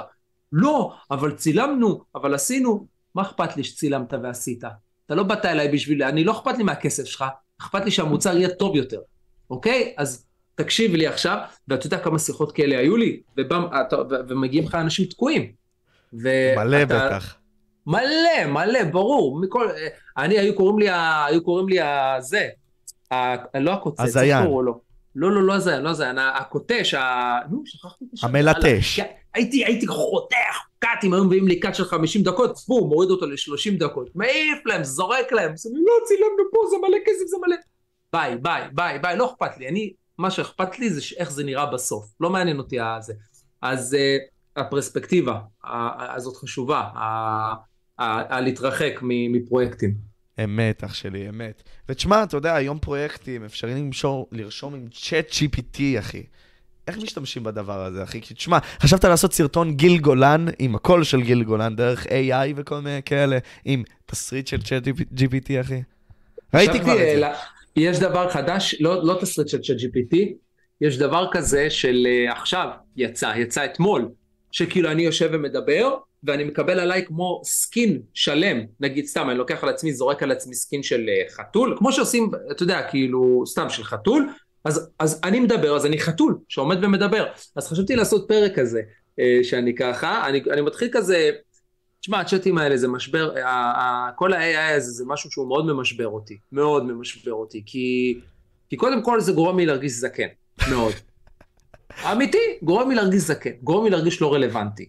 אה, יש בזה, אני בן אדם שאוהב את העתיד, אני מאוד, אה, אני מאוד שמח עם העתיד, אין לי בעיה איתו, אני מתרגש מהעתיד, אבל ה-AI הזה הצליח אה, קצת לערער אותי. זו האמת. משמעותית. כן, זה ערער אותי, כי זה... זה fucked up, אחי. זה fucked up. אחי, אנשים שזה המקצועות שלהם, ציירים, אומנים, ראיתי עכשיו AI ייצר, ייצר, ייצר ממש כאילו מלא מלא פריימים של אה, כאילו, כאילו הוא אה, מיאזקי. אה, מיאזקי, אני מת...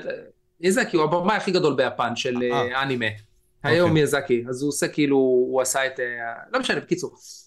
אז הוא פשוט עשה את זה, זה פשוט נראה אותו דבר, ואני מסתכל, אני אומר, אז מה, אז כאילו מה, בני אדם זהו? הפסדנו מבחינת אומנות, הפסדנו מבחינת ציור, לא יודע, יש בזה משהו ש, שפינצ'ר אותי. אני עוד, עוד, עוד, עוד קשה לי לשים את המילים על המחשבות האלה, אבל המחשבות לא, זה, זה לא, אני לא מבסוט מזה. תשמע, שזה יהיה מדהים, לא יודע. באיזשהו אבל- לא מקום, הפחד הוא די הגיוני, אחי, כאילו, אבל ב- ב- אני מבין, גם אני, אחי, מעורער, כי אני אומר לעצמי, תשמע, לא שווה ללכת לאקדמיה אם ככה. כי נראה לי ראיתי איזשהו, לא יודע מה, כתבה שאומרת שאנשים בכירים בחברות בכירות צריכים ללמוד תוך 18 חודשים עשר כלים נוספים בשביל להיות באמת תחרותיים בשוק העבודה. וזה הזוי, אחי, תבוא ותגיד לעצמך את זה, שאתה חייב לעשות את זה, זה הזוי. אה, בהרווארד אקזקיוטיב רשמו את זה. ותשמע, באיזשהו מקום זה או שאנחנו נבוא ונאמץ את השינוי, או שפשוט נפחד ולא ניגע בו. כאילו, אתה יודע. מסכים, מסכים לגמרי. ה- ה- אה, תשמע, זה לא או-או, אין לך יותר מה לעשות, כן, השינוי הוא פה, וזה מהפכה. בוא אני אגיד לך כזה דבר. אה, נגיד תעשיית הקולנוע. אני חושב, אוקיי? אני חושב שעשר שנים מעכשיו, יכול להיות שאין תעשיית קולנוע. ואני אסביר לך למה. כי אם היום אה, צ'אט, אה, אם היום AI יודע לכתוב תסריט, והוא יודע לכתוב תסריט, ראינו את זה, אוקיי? ו-AI יודע לייצר וידאו, והוא יודע לייצר וידאו, ראינו את זה, אוקיי? אז אם הוא יודע לייצר תסריט, והוא יודע לייצר וידאו, והוא יודע לייצר מוזיקה, והוא יודע לייצר דיבור, אז הוא יכול לייצר סצנה, נכון? כן, לגמרי, אחי. יש אנשים שאשכרה עשו סרטוני יוטיוב על זה, סרטים. ישראלים, אחי. ליטרלי יצא מישהו שעשה את זה. אז אם, אז אם עכשיו הוא יכול לייצר סצנה, הוא יכול לייצר סרט שלם. מה זה אומר אז? אז עכשיו דמיין שעכשיו יש, תצ'... יש AI, שהוא אפילו לא, הוא, הוא אפילו, הוא מכיר אותך כל כך טוב, הוא אומר לך, אתה בא מתיישב בערב, מתיישב בשמונה מול הטלוויזיה, והיה אומר לך, בא לך לראות סרט? ואתה כזה, וואלה כן, עכשיו אתה אפילו לא אומר לו מה בא לך לראות. הוא יודע מכל הפיד שלך היום, הוא יודע כבר בדיוק מה חווית, הוא יודע באיזה vibe אתה. אתה לוחץ על כפתור, הוא מייצר לך במקום. במקום, סרט ייעודי לך, סרט של שעה וחצי. אתה חושב שסטודיו הם יכולים להילחם נגד דבר כזה? I think so לא not squash. אף אחד לא יכול להילחם נגד דבר כזה, אחי, אתה מקבל סרט של שעה וחצי, סדרה. עכשיו, אם זה, אם, עכשיו, תמיד אתה יכול לנפח את זה, אם אפשר סרט של שעה וחצי, אז אפשר גם סדרה. אם אפשר גם סדרה, אז אפשר גם טלנובלה של עשר עונות. יכול להיות שאנשים יהיו תקועים בתוך, בתוך איזו סדרה שממשיכים להזין אותם. אה, אתה מבין? ו- ומי מי ישחקו שם? מי שאתה רוצה, מה שאתה רוצה. אתה יכול לשחק שם. למה שלא תראה סדרה שאתה, יש, יש הרי, יש, יש בטלפון שלך את כל הסריקות שלך, הכל כבר סרוק מכל כיוון אפשרי. הוא לא יכול ליצור אותך בתוך סרט עכשיו נלחם בזומבים, אתה לא יכול לשבת בטלוויזיה עכשיו לראות סרט שלך מזיין זומבים, וזה אתה עם הקול שלך, עם הדיבור שלך, יש את ההקלטות שלך, יש הקול שלך, בום, קיבלת סרט מותאם אישי דלוקס, במיוחד בשבילך, אתה הגיבור. אתה יכול להיות הנבל גם, אתה יכול להיות מה שבא לך, אתה מבין? אז תעשיית הסרטים כמות, היא מתה כבר, אנשים לא מבינים את זה, היא כבר הלכה. זה עניין של עשר שנים, והתעשייה הזאת, זה, זה, מה שקרה בחודשיים האחרונים זו הרעידת אדמה הכי גדולה שתעשיית הסרטים חוותה מהיום שהיא הוקמה. זה משהו חסר תקדים. אנשים פשוט עדיין לא הבינו את זה. הם, הם, הם פשוט על הצונאמי, הם, הם לא מבינים מה, מה קרה פה הרגע, אבל, אבל התעשייה הזאת די... היא קיבלה מכה מאוד מאוד קשה. תשמע, זה גם בכל... בפאקינג קורונה היה ככה עם נטפליקס, אבל זה היה עוד שינוי, אתה יודע, כזה light. מה היה בנטפליקס? אה? מה היה ב... ב, ב... לא, על זה שהרבה מאוד אנשים לא הלכו ל cinema יותר, ואתה יודע, באיזשהו מקום הפסיקו את ההרגל הזה, ואמרו, טוב, נלך, פשוט נצפה בנטפליקס, אחי, בסדרות. בסדר, זה... זה light, זה מאוד light. זה מה זה light? זה מקולנוע לנטפליקס, היה את זה גם בעבר. זה... מה? מה זה, זה, השינוי הזה קרה לא עכשיו עם נטפליקס, השינוי הזה קרה ש, כשיצאו טלוויזיות. אוקיי? ש... כשיצאו טלוויזיות פעם ראשונה, זה היה הכאפה הגדולה לקולנוע, כי אנשים היו הולכים באטרף לקולנוע, זה היה מין חוויה תרבותית שכולם היו הולכים. קראו לקולנוע ניקולודיאונים אז, כי, כי היה צריך לשים ניקל בשביל להגיע לקולנוע, היית שם ניקל אחד. זה היה כאילו, זה היה, גם, זה, זה, לא, זה לא היה כזה פנסי כמו היום, היו קולנוע בכל מקום, היו פותחים לך כיסאות, היית זורק על המסך אה, זה, תפוחים, פופקורן, זה היה מין אווירה, כל מקום היה את זה. ואז זה נגמר, כולם עברו לבית, זו הייתה מכה קשה. אז, אה, אז עוד, עכשיו זה עוד בקטנה נטפליקס הזה, אני מדבר איתך על, אני מדבר איתך על כל הרעיון של יצירת סרטים, הוא משתנה לחלוטין, כבר אין סטודיו שיוצר את זה. זה אה, אה, ו, וכל בן אדם מקבל סרט אחר, אין תקציבים, זה הכל משתנה בצורה מוחלטת, זה מטורף. ו, ועכשיו עכשיו העניין הוא כזה, אם הסרטים יהיו טובים יותר, ואני אהנה מהם יותר, אז כאילו מה אכפת לי? לא אמור להיות אכפת לי. אבל יש בי משהו שכואב את זה, שאני לא מקבל בעצם את ה... את ה vision של, של במאי, שאני לא מקבל את הנפש של בן אדם אחר. יש בי משהו רומנטי כזה שרוצה דרך סרטים עדיין להתחבר לאנשים ולבני אדם. וזה שנגיד ממורו הוסודה, הבמאי הזה שאני מאוד אוהב, שהוא מתקשר איתי את הסרטים שלו, ושאני בוכה, בכל סרט שלו אני בוכה like a pussy, בוכה עם כאילו פסי רוק, כאילו אה, בכי אמיתי. זה באסה, זה באסה שעכשיו לא יהיה לי את החיבור הזה, אז שוב, אתה נוגע פה בנקודה מאוד כואבת כפרה. אני משתדל לא לגעת בה יותר מדי, אבל אני אחפור בה, כי מה נעשה? Uh, תקשיבו, חבר'ה, תנו בלייק בכדי שנגיע לכמה שיותר אנשים עם הלייב הזה, בלי קשר, זה מאוד חשוב. ותשמע, בוא נגיד ככה, אם נחזור לעניין הזה של ה ChatGPT טיפה. אתה יודע, אמרנו, ראיתי ישראלים ש literally עשו סרט עם ה ChatGPT, תסריט, אחי, פשוט באו וצילמו סביב זה את כל ההפקה שלהם וכל מיני כאלה, משהו מגניב, אחי, לא יודע, mm. ישראלי מגניב ממש, ביוטיוב. Uh, אתה יודע, יש סרטון של South Park, של איזשהו ערוץ שראיתי, שהוא פשוט לקח את הקול שלו, לקח, uh, נגיד, סתם איזשהו תסריט, ועשה סביבו את הקול. אבל אתה יודע, זה מגיע למציאות של עולם חדש מופלא. ועוד לא דיברנו על מציאות כמו אקס מקינה כזה, שאתה יודע, פתאום יש דמות כזאת שהיא דיוויאנט כזאת, סוג של, שבאה ונכנסת לחיים המודרניים שלנו, והיא נראית כמונו. לא דיברנו אפילו על זה. וכאילו, פתאום אנחנו מקבלים עולם שהכל מותאם לנו. זה הזוי, כאילו, איך לחיות בו, אתה מבין? אז כאילו, זה לא מטלטל אותך, תגיד לי? בטח זה מטלטל. ברור שזה מטלטל, זה מאוד, זה, זה מאוד מטלטל, אה, אבל שוב, אני, נגיד, אני לא אוהב, אני לא אוהב, אני לא אוהב את, אה, איך קוראים לזה? אה, בנטפליקס, מראה שחורה. אני לא אוהב מראה שחורה, למרות שזה מעולה. אני לא אוהב את זה, כי זה שם, אה, זה מסתכל תמיד על העתיד במראה שחורה, בקטע שחור, ואני כאילו מאוד דווקא אופטימי, סך הכל אנחנו בתקופה הכי טובה של האנושות. בפער, בפער. העולם הכי מוגן, אחי. הכי מוגן, אנחנו חיים כמו פאקינג מלכים. מה זה מלכים? מלכים פעם, המלכים שאנחנו רואים בסרטים, המלכים האלה, לא היה להם מים חמים בכלל. הם היו מתקלחים פעם באחי, הם חיו כמו חארות המלכים האלה, שאנחנו רואים אותם בסרטים כאילו הם מלכים. חיו כמו חארות. אחי, אנחנו חיים מדהים, בתקופה מדהימה. אז אני כן אוהב את ה... אני מאוד מאמין בעתיד, ואוהב את העתיד, ואוהב את איפה שהמין האנושי נמצא כרגע, עם כל הפלטות שלו. מאוד אוהב. חושב שאנחנו בתקופה מדהימה. אבל... אה, אבל עדיין, יש משהו ב... אני מרגיש פה אני קצת לחוץ מה-AI הזה, יש בו משהו שהוא קצת מוזר לי, too much. too much. Uh, טוב, נסטה טיפה מה-too much הזה תכף. Uh, טוב, אני אעלה לכם בינתיים הדברים מהצ'אט. Skill GG, שלח לגיל ממני שהוא תותח חתיך ואלמין. מסכים, אחי, אין מה לעשות. yes, yes. אתה מדבר עובדות. Uh, משה, תשאל אותו, איך סרט או סדרה הופכים למעצמה קולנועית או למעצמה טלוויזיונית? כאילו, יש לו את הבלופרינט, אחי. יש לך את הבלופרינט?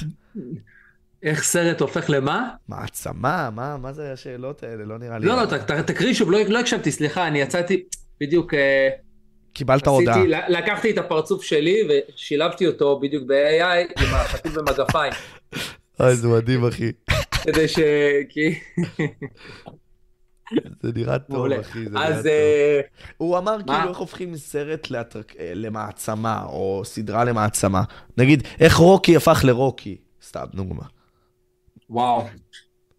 במקרה, יש לי פה את ה... כמו שאמרת, את הבלופרינט. אין, אי אפשר לדעת את זה. אין, אין, אין, יש, יש כל מיני צורות, תגדיר מעצמה. אה, רוקי, סרט בן זונה. אני יודע. אנשים מבינים כמה הוא טוב, אנשים חושבים שזה סרט אגרוף. זה לא סרט אגרוף. רוקי זה סרט על לא להיות לוזר. זה כל העניין של הסרט רוקי. תכלס, תסתכל כמה זמן הוא מתאגרף בסרט, רבע שעה. מסרט של שעה וחצי. זה לא סרט אגרוף בכלל, זה סרט על לוזרים. כולם שם לוזרים, הוא לוזר, המאמן שלו לוזר, הבת זוג שלו לוזרית, פולי לוזר, כולם שם לוזרים. וזה למה כשהוא מנצח בסוף, הוא לא מנצח רוקי אחד, הוא מפסיד, כן? אבל, ספוילר, אבל טוב, נו, נו, אבל הוא מפסיד. אבל מה הוא עושה? הוא קם. הוא לא נופל, הוא קם, הוא ממשיך לעמוד.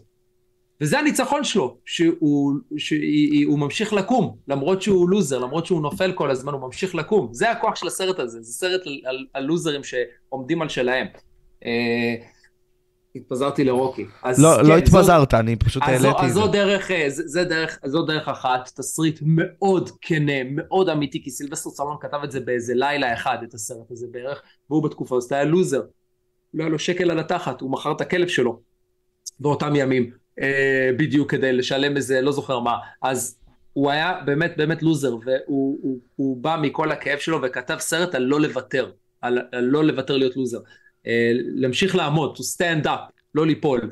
אה, וזה מה שרוקי עושה בסוף הסרט, הוא לא נופל, הוא ממשיך לעמוד, והוא מנצח כאילו הוא ניצח, הוא הפסיד קרב, אבל הוא, זה, זה ניצחון בשביל הצופים, בשביל כולם. אז יש לכתוב תסריט מאוד כנה.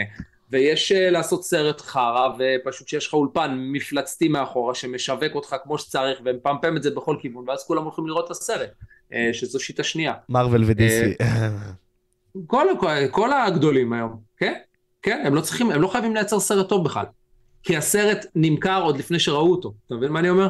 כן. מביאים את הסטארים ב... הגדולים, וזה, או, The Rock שם, דה קוק, וזה, כל זה ה... התחיל, אתה יודע באיזה סרט זה התחיל? זה התחיל, ב... זה התחיל במלתעות של uh, סטיבן שפילברג. Mm, עד אוקיי. אז, עד אז היה יוצא סרט, וכמעט ולא היו משקיעים בשיווק. היה יוצא סרט, ואז אם הוא טוב, כמו הצגה, אם הוא טוב, אז זה רץ מפה לאוזן. ואז כאילו באים סוף שבוע שני, ואז סוף שבוע שני, ואז הבינו שהרבה יותר חכם פשוט לשים הרבה יותר כסף בקידום, ולתפור את כולם בסוף שבוע הראשון, וזה כבר פחות משנה אם הוא טוב או לא טוב. אתה מבין? אה, אתה מבין מה אני אומר? כן. אז כאילו, רוב, רוב הכסף, רוב הסרטים מוכרים את הסוף שבוע הראשון. והשני. לא ממשיכים לראות סרטים אחר כך, כל סוף שבוע יש סרט חדש. אז הכסף, זה המאני טיים שלך זה בדרך כלל הסוף שבוע הראשון שני. כלומר זה שיווק, זה לא פלא אוזן בכלל. אז אה, זה הדיבור. למה אנחנו, למה אנחנו הולכים כל הזמן, אתה יודע, לפחות אני, כן?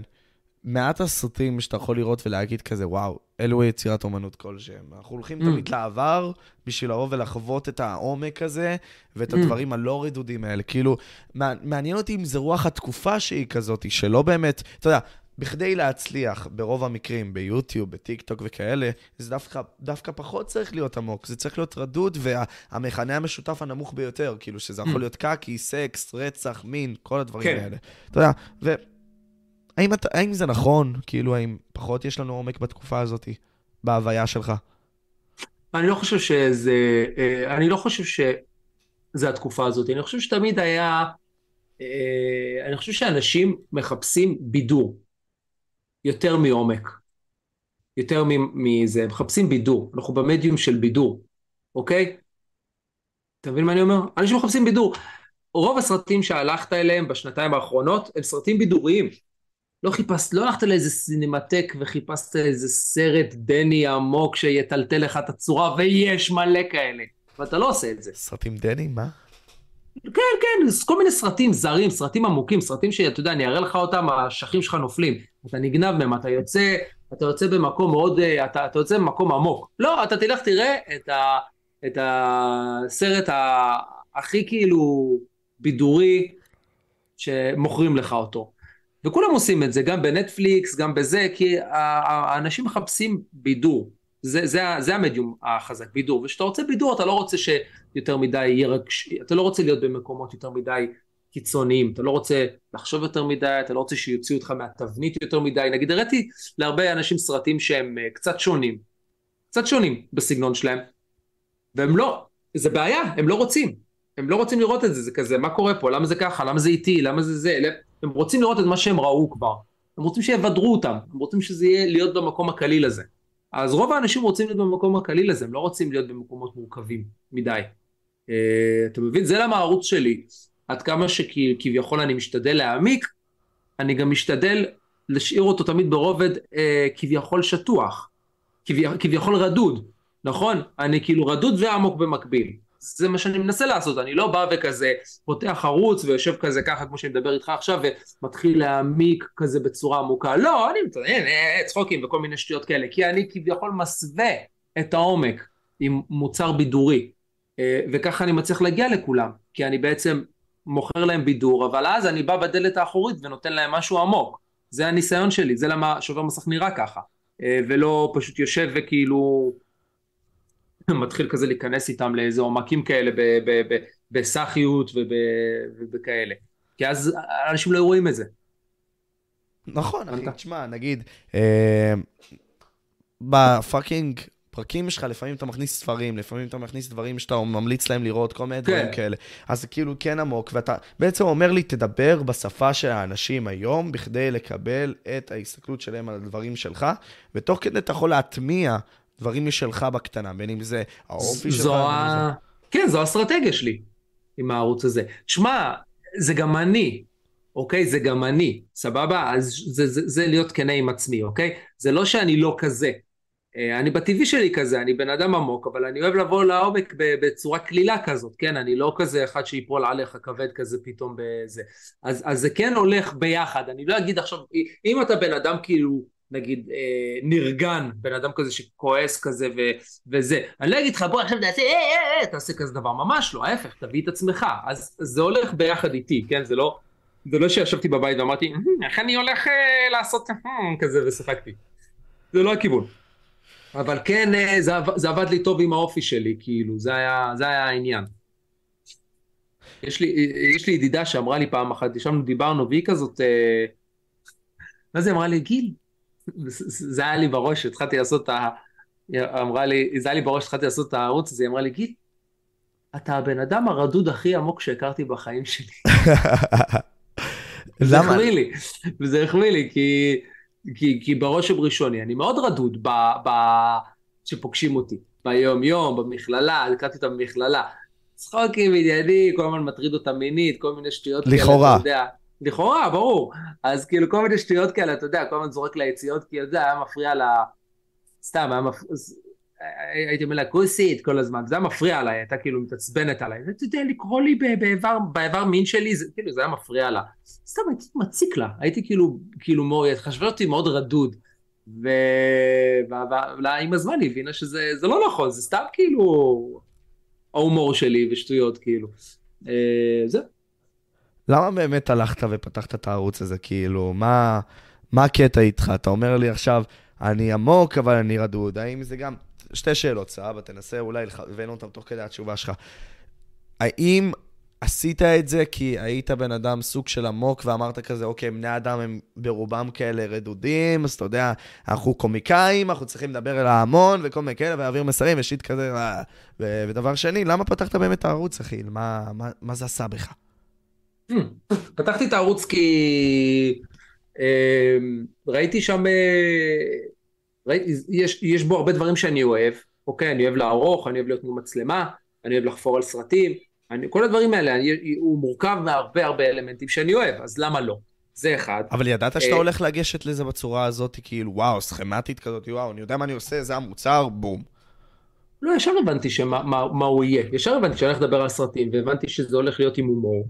אה, שאני הולך לתת לצד הזה שבי אה, אה, במה, לצד של לספר בדיחות ולכתוב את זה מצחיק והכל, זה, זה היה התוכנית, כן? זה, זה, זה מההתחלה, תסתכל את הפרק הראשון שעשיתי, הוא נוראי, הוא, אני לא יכול לראות אותו, הוא נוראי, אבל זה, זה פחות או יותר מה שאני עושה עכשיו, פשוט גרוע, אבל זה פחות או יותר מה שאני עושה עכשיו, זה אני עומד, מדבר, וזה, אז זה דבר אחד.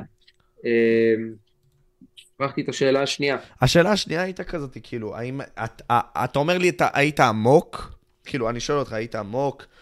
אתה אומר לי שאתה עמוק ורדוד, האם כאילו התאמת את עצמך מבחינת הרדידות? כי בני אדם, אתה יודע, לרובם הם רדודים וקומיקאים, כאילו, לרוב אה, בגישה אה, הזאת.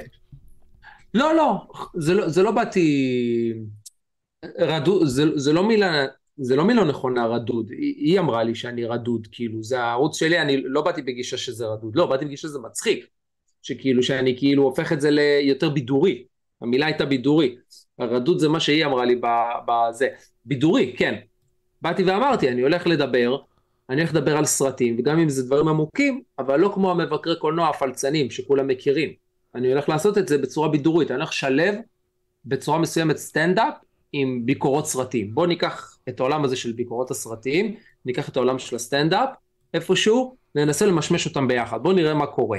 כי, אתה יודע, אם נגיד אני יושב עם חבר'ה על בירה, אה, אחרי סרט, אז אנחנו יכולים, מריצים לפעמים דחקות על הסרט, אנחנו לא יושבים על בירה כזה, כן, והמיזן סצנה, ביבי ביבי, אתה יודע, אנחנו לא מדברים ככה, מדברים בקטע של וואי, איזה קטעים, זו כוסית, מדברים ככה.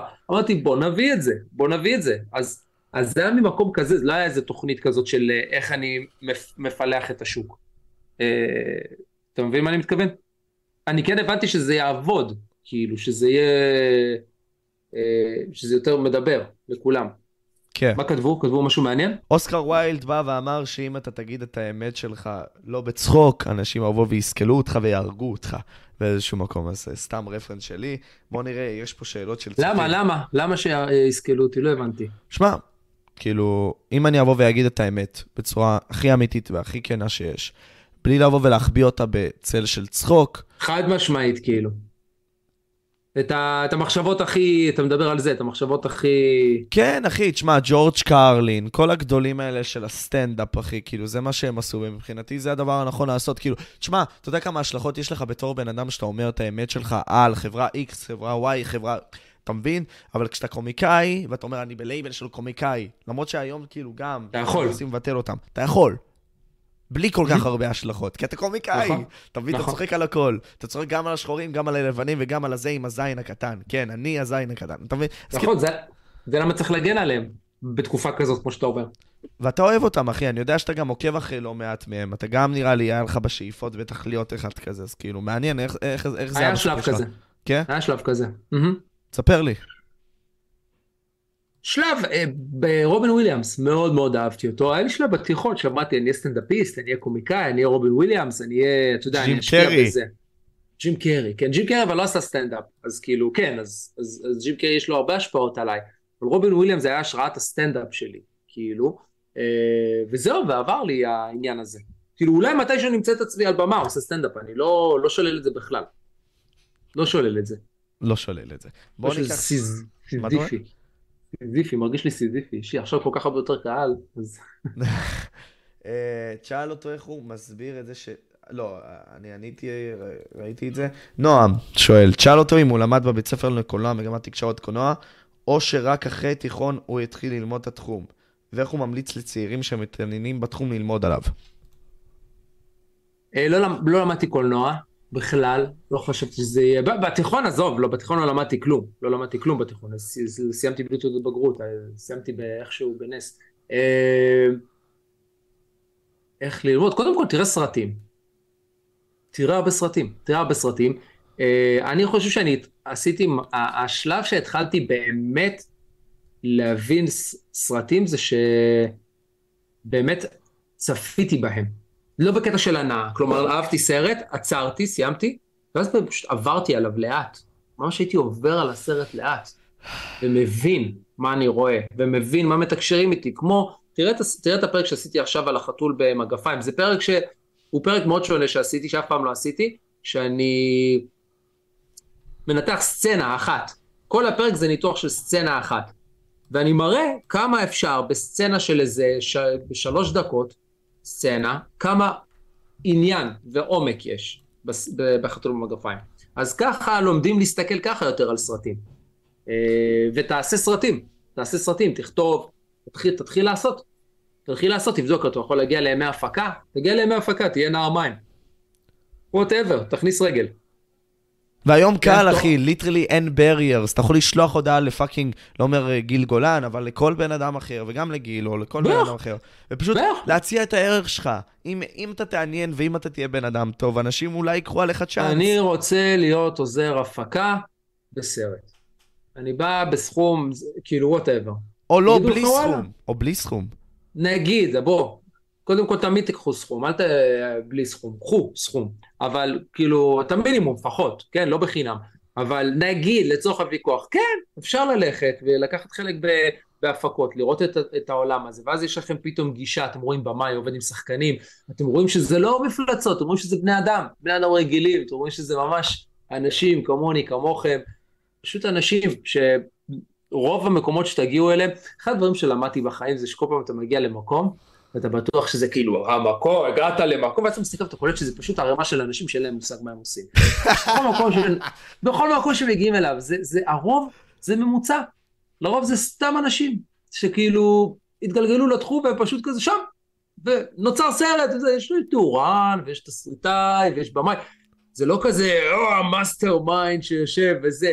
אני בטוח שגם אם מגיעים, אני בטוח, לא עשיתי את זה, כן, אני בטוח, אבל גם אם אני אגיע לסט של טרנטינו, אני אראה אותו יושב, מה אתם אומרים, כאילו מבולבל ולא יודע מה הוא רוצה. זה חלק מהעניין, שכאילו, אחרי שהמוצר יוצא, הכל נראה כזה מדהים. אבל התהליך הוא כל כך הרבה, זה למה אני, הוא כל כך הרבה חוסר ביטחון ו, אה, ואי ידיעה, זה למה אני שונא את הסרט רפסודה בוהמית שכולם מתים על הרי, סרט מדהים, אני שונא את הסרט הזה, כי הסרט הזה הוא, הוא לא מבין, מי שעשה את הסרט הזה לא מבין בכלל את הקטע. מי זה פרדי מרקורי? לא, לא רק פרדי מרקורי, את הקטע של יצירה, פרדי מרקורי כאילו בתיכון מגיע, אני רוצה להצטרף אליכם למועדון. ש... דופק להם שם איזה סיכול כזה, אה יופי, בוא, בוא, בוא תשאיר איתנו, לא מועדון, להקה. ואז כזה, יושב... והסצנה שהכי גילה אותי, הם יושבים באיזה פגישה עם איזה מישהו שהתעניין בהם. ואז המישהו הזה נותן להם הצעות, והוא כזה יושב כזה ככה. הוא כאילו יודע כבר שהוא פרדי מרקורי. נכון, הוא יושב ככה, הוא יודע שהוא פרדי מרקורי, הוא כזה, לא, אתה טועה. אני פרדי מרקורי, בעתיד, א', ב', ג', ד', כדאי לך, לא, אני רוצה כפול. יאללה, יאללה, בשלב הזה רעדו לו הביצים, הוא לא ידע מי הוא, הוא לא האמין בעצמו, הוא היה חסר ביטחון כמו כולנו. הוא לאט לאט גילה את היכולות שלו. אז הסרט הזה זה מין כזה, זה משהו שטוח כזה שמציג את ה... את ה איך, איך גדלים ואיך הופכים למשהו גדול. וזה מבלבל אנשים, אנשים רואים את זה, חושבים שוואלה, ככה אתה צריך להיות. לא. כל מי שהגיע לאנשהו בעולם הזה, טיפס בצעדים קטנים והוא היה חסר ביטחון לאורך כל הדרך. לא היה לו מושג בכלל. זה למה קודם כל אהבתי את הסרט שלך, אבל בוא נגיד עוד, עוד דוגמה של, אוטו, של דוקו מעניין, של קניה ווסט, אתה מבין? לצלם את הדרך, מתחילת הדרך וכל מיני כאלה, ואתה רואה לא ראיתי. מתרגש. לא ראית? לא ראיתי. ברו. חייב לראות עכשיו, אה? חייב לראות. תקשיב, הבן אדם, בן אדם התלווה אליו מגיל 19 לצלם את המסע שלו, אחי. אתה מבין? את, העלייה המדהימה הזאת. ואיך הוא? ואיך הוא? חסר ביטחון? אה, הוא, הוא, הוא, הוא, לא, הוא לא מוצא את עצמו לפעמים? הוא כאילו, מה הדיבור? אני אסביר לך, אחי, כאילו, קודם כל, בהתחלה כזה, אתה יודע, הוא ידע שהוא הולך להיות השיט. הוא יצר ביטים בשביל אנשים וכל מיני כאלה וזה, אתה יודע, אבל הוא רצה להגשים את עצמו בתור ראפר, ואף אחד לא שם זין עליו בתור ראפר. אז אתה רואה אותו הולך למקומות, אחי, מנסה להכניס את עצמו וכל מיני כאלה, ואנשים שמים עליו זין, והוא ממשיך, והוא ממשיך, והוא ממשיך. יש אנשים מצליחים, לא מקבלים אותו. כאילו, הוא לא זה שיצר את הסרט. זה אנשים שצילמו אותו, שאמרו, אנחנו נעשה לך סרט בעתיד. זה ו... בנטפליקס? זה בנטפליקס. מה אתה אומר? yes sir, ותשמע, איזיס נראה לי קוראים לזה. תשמע, שלוש פרקים, אחי, אתה רואה את העלייה המדהימה הזאת של קניה. ו... מתי זה יצא? אה, לפני שנה, אני רוצה להגיד, חצי שנה, לא יודע. וואלה. משהו בסגנון. כן, כן, כן, פברואר 22, איזה קטע. אחי, זה מדהים, זה ש... זה הכניס אותי לקניה מאוד, כאילו, הדבר הזה לגמרי. כאילו, אתה רואה את הבן אדם... שהוא מנסה להגשים את עצמו, ואתה רואה את האנרגיות, אחי, ואתה רואה כאילו, I'm gonna make this shit happen. כאילו, אתה, אתה, כן. לא, לו, לא היה לו אפילו שבריר של מחשבה שהוא לא יצליח, פשוט הוא הכניס mm-hmm. את עצמו לסיטואציות כל הזמן. לא היה לו אכפת, אחי, לא היה mm-hmm. לו מה להפסיד. אתה מבין? ואתה רואה גם את הדינמיקה עם האימא, והאימא הזאת שהוא איבד, ואז הוא איבד את הראש שלו עם הזמן, וזה כל כך יפה, זה כאילו... עד איזה שלב זה? Uh, עד השלב שהוא הפך, ניסה להתחרות להיות נשיא ארצות הברית לדעתי. איזה פאקד אפ הוא, יאללה. היום הוא נאצי, אחי. הוא, הוא, אה, הוא, הוא, יש לו מחלות, הוא מורכב, הוא בן אדם מורכב, הוא אומן, הוא אומן מורכב. קצת אה, יש לו, הוא גם לא לוקח כדורים עכשיו, נכון? הוא היה צריך לקחת כדורים, הוא לקח כדורים, הוא דמות אה, מורכבת, בקיצור. אבל מה שכן, וזה משהו שמאוד מעצבן אותי בתור בן אדם, וזה איך שאני חוקר אנשים, גיל. אני mm-hmm. גם היום מישהו דיבר איתי ואמר לי, סתם בצחוק, היטלר was misunderstood. סבא באמצע, אתה יודע, בצבא וכל מיני כאלה. ואני פשוט ישבתי איתו איזה 40 דקות וליטרלי לא, הוכחתי שזה הוא- נכון. הוא הטריל אותך. הוא הטריל אותי. אבל אני אמר, אני הייתי רציני, אחי, כאילו, אתה מבין? אני לא כזה, אני, אני. אני- האנשים האלה שמנסים להוכיח כל הזמן הכל. אז אמרתי לו, טוב, בוא שב איתי, אחי, אני אוכיח לך שזה נכון. אתה מבין? ווואו, איזה טענות נתתי לו, השם ישמור, אחי, כאילו. אמרתי לו קודם כל כזה שהיטלר, סבבה, הושפע על ידי ניטשה. ניטשה אמר, אין מוסר, סבבה. הוא רצה למקסם את העם שלו, היטלר, אחרי מלחמה מאוד קשה ונוראית, אחי, מלחמת העולם הראשונה. הוא אמר, אני הולך להפוך אתכם לאוגה בוגה חזקים וכל מיני כאלה. הלאום שלנו הולך להיות סופר חזק, וביולוגית אנחנו הולכים לנצח, אוקיי? אז יהיה מגניב. ואני אמחק אנשים אם צריך. ותכלס, מה שקורה היום, אחי, זה לא פחות גרוע. כאילו היום אנחנו תכלס עושים את אותה ברירה טבעית, את אותו, אותם דברים שהיטלר רצה לעשות, לבחור את הגנים היותר מוצלחים עם הביוטכנולוגיה תכף. אפשר להנדס גנים ולבחור את הצאצאים הכי טובים וכל מיני כאלה.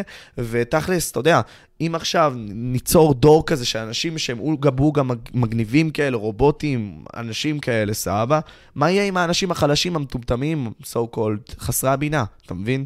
אז מה, כאילו, אתה מבין, זה הכל עניין של השקפה ואיך אתה מסתכל על זה. וברור, היטלר נורא, היטלר בן אדם תשמע, נורא. הוא היה... היטלר, אתה יודע, הרבה לא מבינים את זה שהוא היה אומן. הוא היה אומן.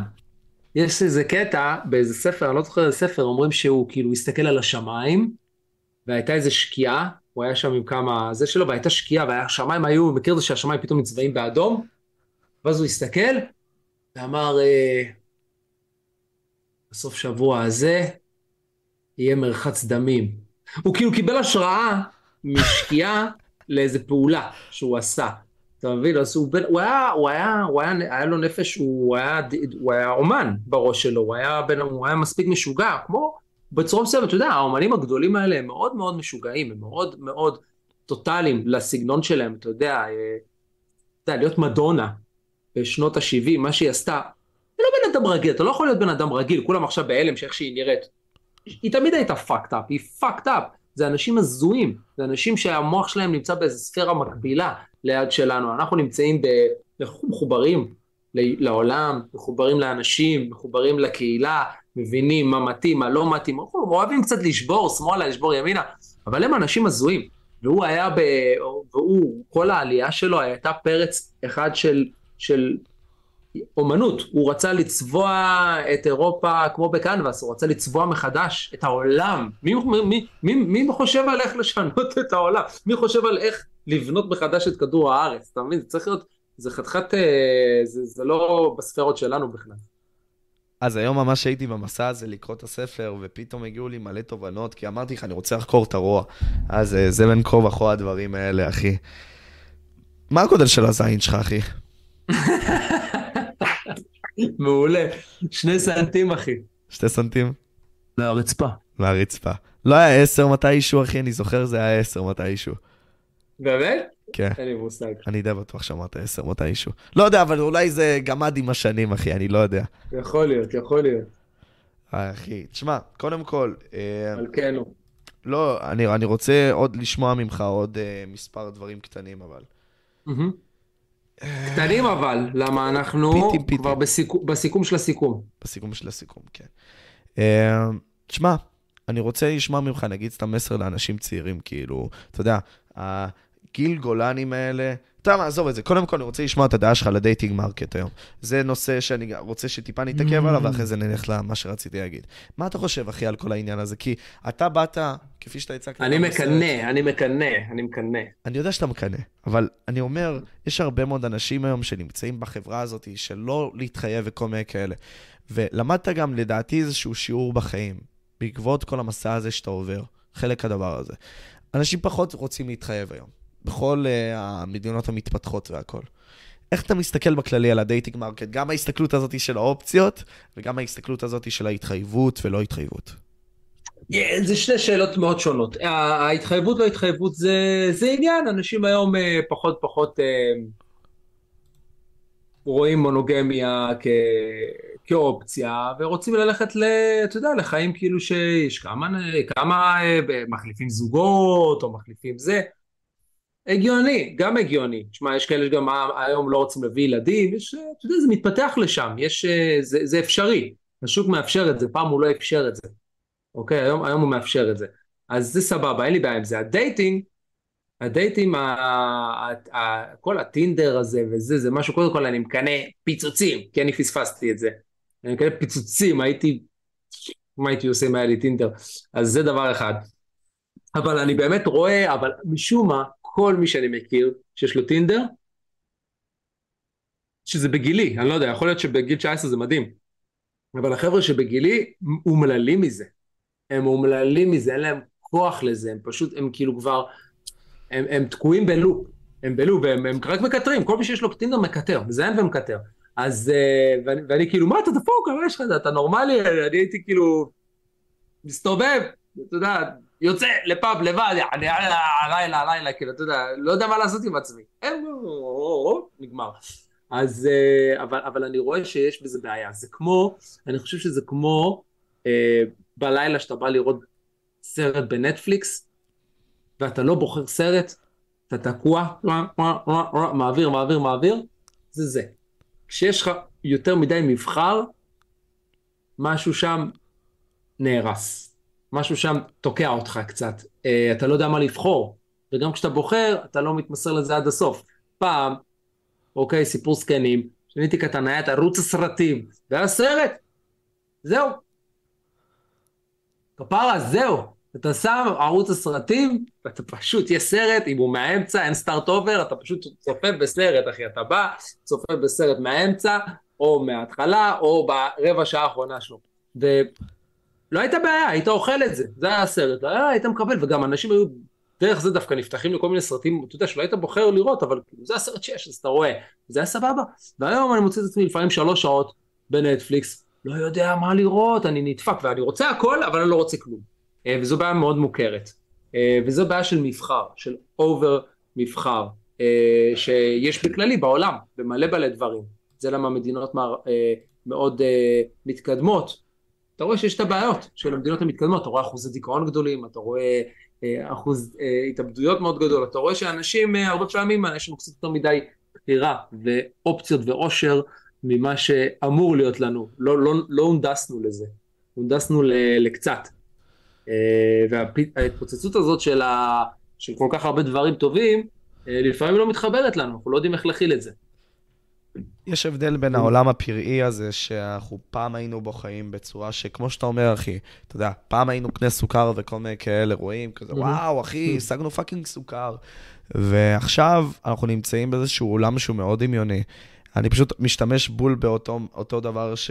אותו בן אדם שקראת את הספר שלו, של המטריקס, בא ואמר. בודריאר. בודריאר. וואי, קשה לי לזכור את השם שלו. וכאילו, באמת אמר פה משהו מעניין, שיש היום הבדל מאוד דק בין המציאות לבין הדמיון. בכך העובדה הזאת, אתה פשוט בא ומסתחרר ואתה לא מבין מה לעשות עם עצמך. כי אתה בעצם עושה מניפולציה לביולוגיה שלך, והביולוגיה שלך לא, נקרעת באיזשהו מקום, ואני מוסיף את הנקרעת הזאת, mm-hmm. בין עצמה. כי היא מגיבה לאותות, אבל לא, קיבל, את, לא היה מגיע לך האותות האלה. אתה fucking שומע שיר מוטיבציה, אבל לא באמת עשית משהו עם עצמך בשביל להרגיש את ההרגשה הזאת. וזה משהו שהוא מאוד מעניין, אחי, כאילו. זה פומו מסוים. כאילו, הזוי כזה. פומו? שאומרים. דווקא פומו אתה קורא לזה? כאילו, זה, זה מין סוג של, לא פומו. לא, לא, תעמוד מאחורי המילה שלך, אמרת פומו, למה פומו? סתם מעניין אותי איך זה מתחבר. כי זו תחושה לא אמיתית, אחי, כאילו, אתה יודע, זה, זה, זה לא באמת אמיתי, כאילו, אנחנו חווים את המציאות הזאת כפי שהיא, אבל אתה לא באמת עושה את הדברים האלה בשביל לקבל את התוצאה הזאת, אתה פשוט רוצה את התוצאה כל הזמן. אנחנו, אתה יודע, אתה רואה כל כך הרבה אנשים, אחי, במקום לעבוד בשביל להשיג קוביות כאלה, או לא יודע, אפילו לא קוביות כאלה, סבבה? אני לא עובד על עצמי, אבל אתה מבין, כאילו, הם עושים ניתוחים וכל מיני כאלה, תמיד מחפשים את התוצאה ולא את הדרך. ובמקום לבוא וליהנות מהדרך, אחי, הם פשוט מקצרים הכל, וזה כל כך מגעיל, זה כל כך הורס את זה, אנחנו לא... כבר אין את הרנדומליות הזאת שיש לנו בתור בני אדם, אתה מבין? נגיד, הייתי יכול להיפגש איתך, סתם דוגמה, ברנדומליות, וזה הדבר הכי מדהים שיש. ועכשיו, אתה יודע, קיצרנו את זה, וזה פחות, זה מלאכותי יותר, זה לא... זה לא אותו דבר. הבנתי אותך. אז זה, זה בעיקרון. טוב, דיכאת אותי כפרה. דיכאת אותי כפרה. למה? מה? למה? סתם, סתם, אני צוחק. טוב, אחי, תקשיב, בואו ניתן מס- מסר אחרון לאנשים. קודם כל, אה, אה, אוי, אני מתקשה להגיד את השם שלך כל הזמן. חרלנט, בסדר? אני, אני מקווה שביטאתי את זה? נכון, כי הוא, רוש- הוא רושם לי והוא צופה קבוע, ואני מה זה מעריך אותו, אחי. ותודה רבה למאה הצופים שנמצאים פה בלייב, מעריך אתכם מאוד. הוא אומר לי, תאמר לגיל שהוא גבר רצח, ושהוא יותר Yes. גבוה ממה שחשבתי. זה המשפט שכולם אומרים לי. כולם אומרים לי, כל שפוגש אותי נדפק מהגובה. אז בוא ניקח... אני לא, אני, כן. אני לא נראה מטר תשעים ושמונה, נכון? אתה נראה גדול. סתם, סתם, סתם. תשמע, תגיד לי, אחי, כאילו... בוא ניקח אותך לגיל גולן הצעיר, סבבה? גיל גולן הזה שהיה בבית ספר, אתה יודע, אני, אני לא יודע כל כך את הסיפור, כאילו, אתה יודע, Mm. אתה היית באיזשהו מקום, ככה לפחות אתה מתאר את זה, יכול להיות שאני עכשיו, מוסיף. אנחנו אחרי שעתיים פודקאסט, עכשיו אתה לוקח אותי לגיל גולן הצעיר, יא פסיכופת אחד. אז איזה עצה היית נותן לו, לבן אדם הזה שהיה נכשל מיני אנחנו? צריכים לסגור, אנחנו צריכים לסגור. אה, בן אדם ש... מה, ל... איזה עצה היית נותן לו, או לאותם אנשים צעירים לדעתך, שפחות מוצאים את המקום שלהם, שפחות יודעים את הדרך, שאתה יודע, לא מבינים. רוצים להשפיע? על העולם אולי, לא יודעים מה לעשות עם עצמם, רוצים טוב לתת, אחי. רוצים לעשות טוב. איזה עצה לתת לאנשים. הייתי, הייתי מציע להם באמת אה, לה, להתמקד במה שהם אוהבים ולהיות סבלנים. סבלנות, זה לא... החיים האלה הם, הם זה לא... זה ריצה, זה ריצה למרחקים.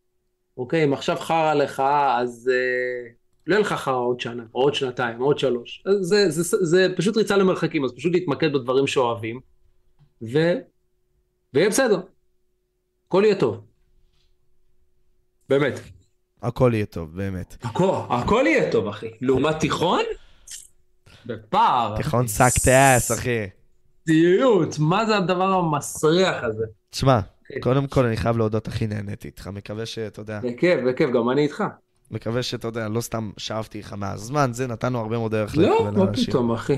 אה, קודם כל אני רוצה לבוא ולהגיד שאם אתם לא חברי מועדון של גיל, ואני, יש פה כאלה שבאו ותרמו במהלך הלייב, קדימה חברים, עוד כמה ימים גיל בטח הולך לשבר את החבר מועדון שלו, תתרמו Yes. לו.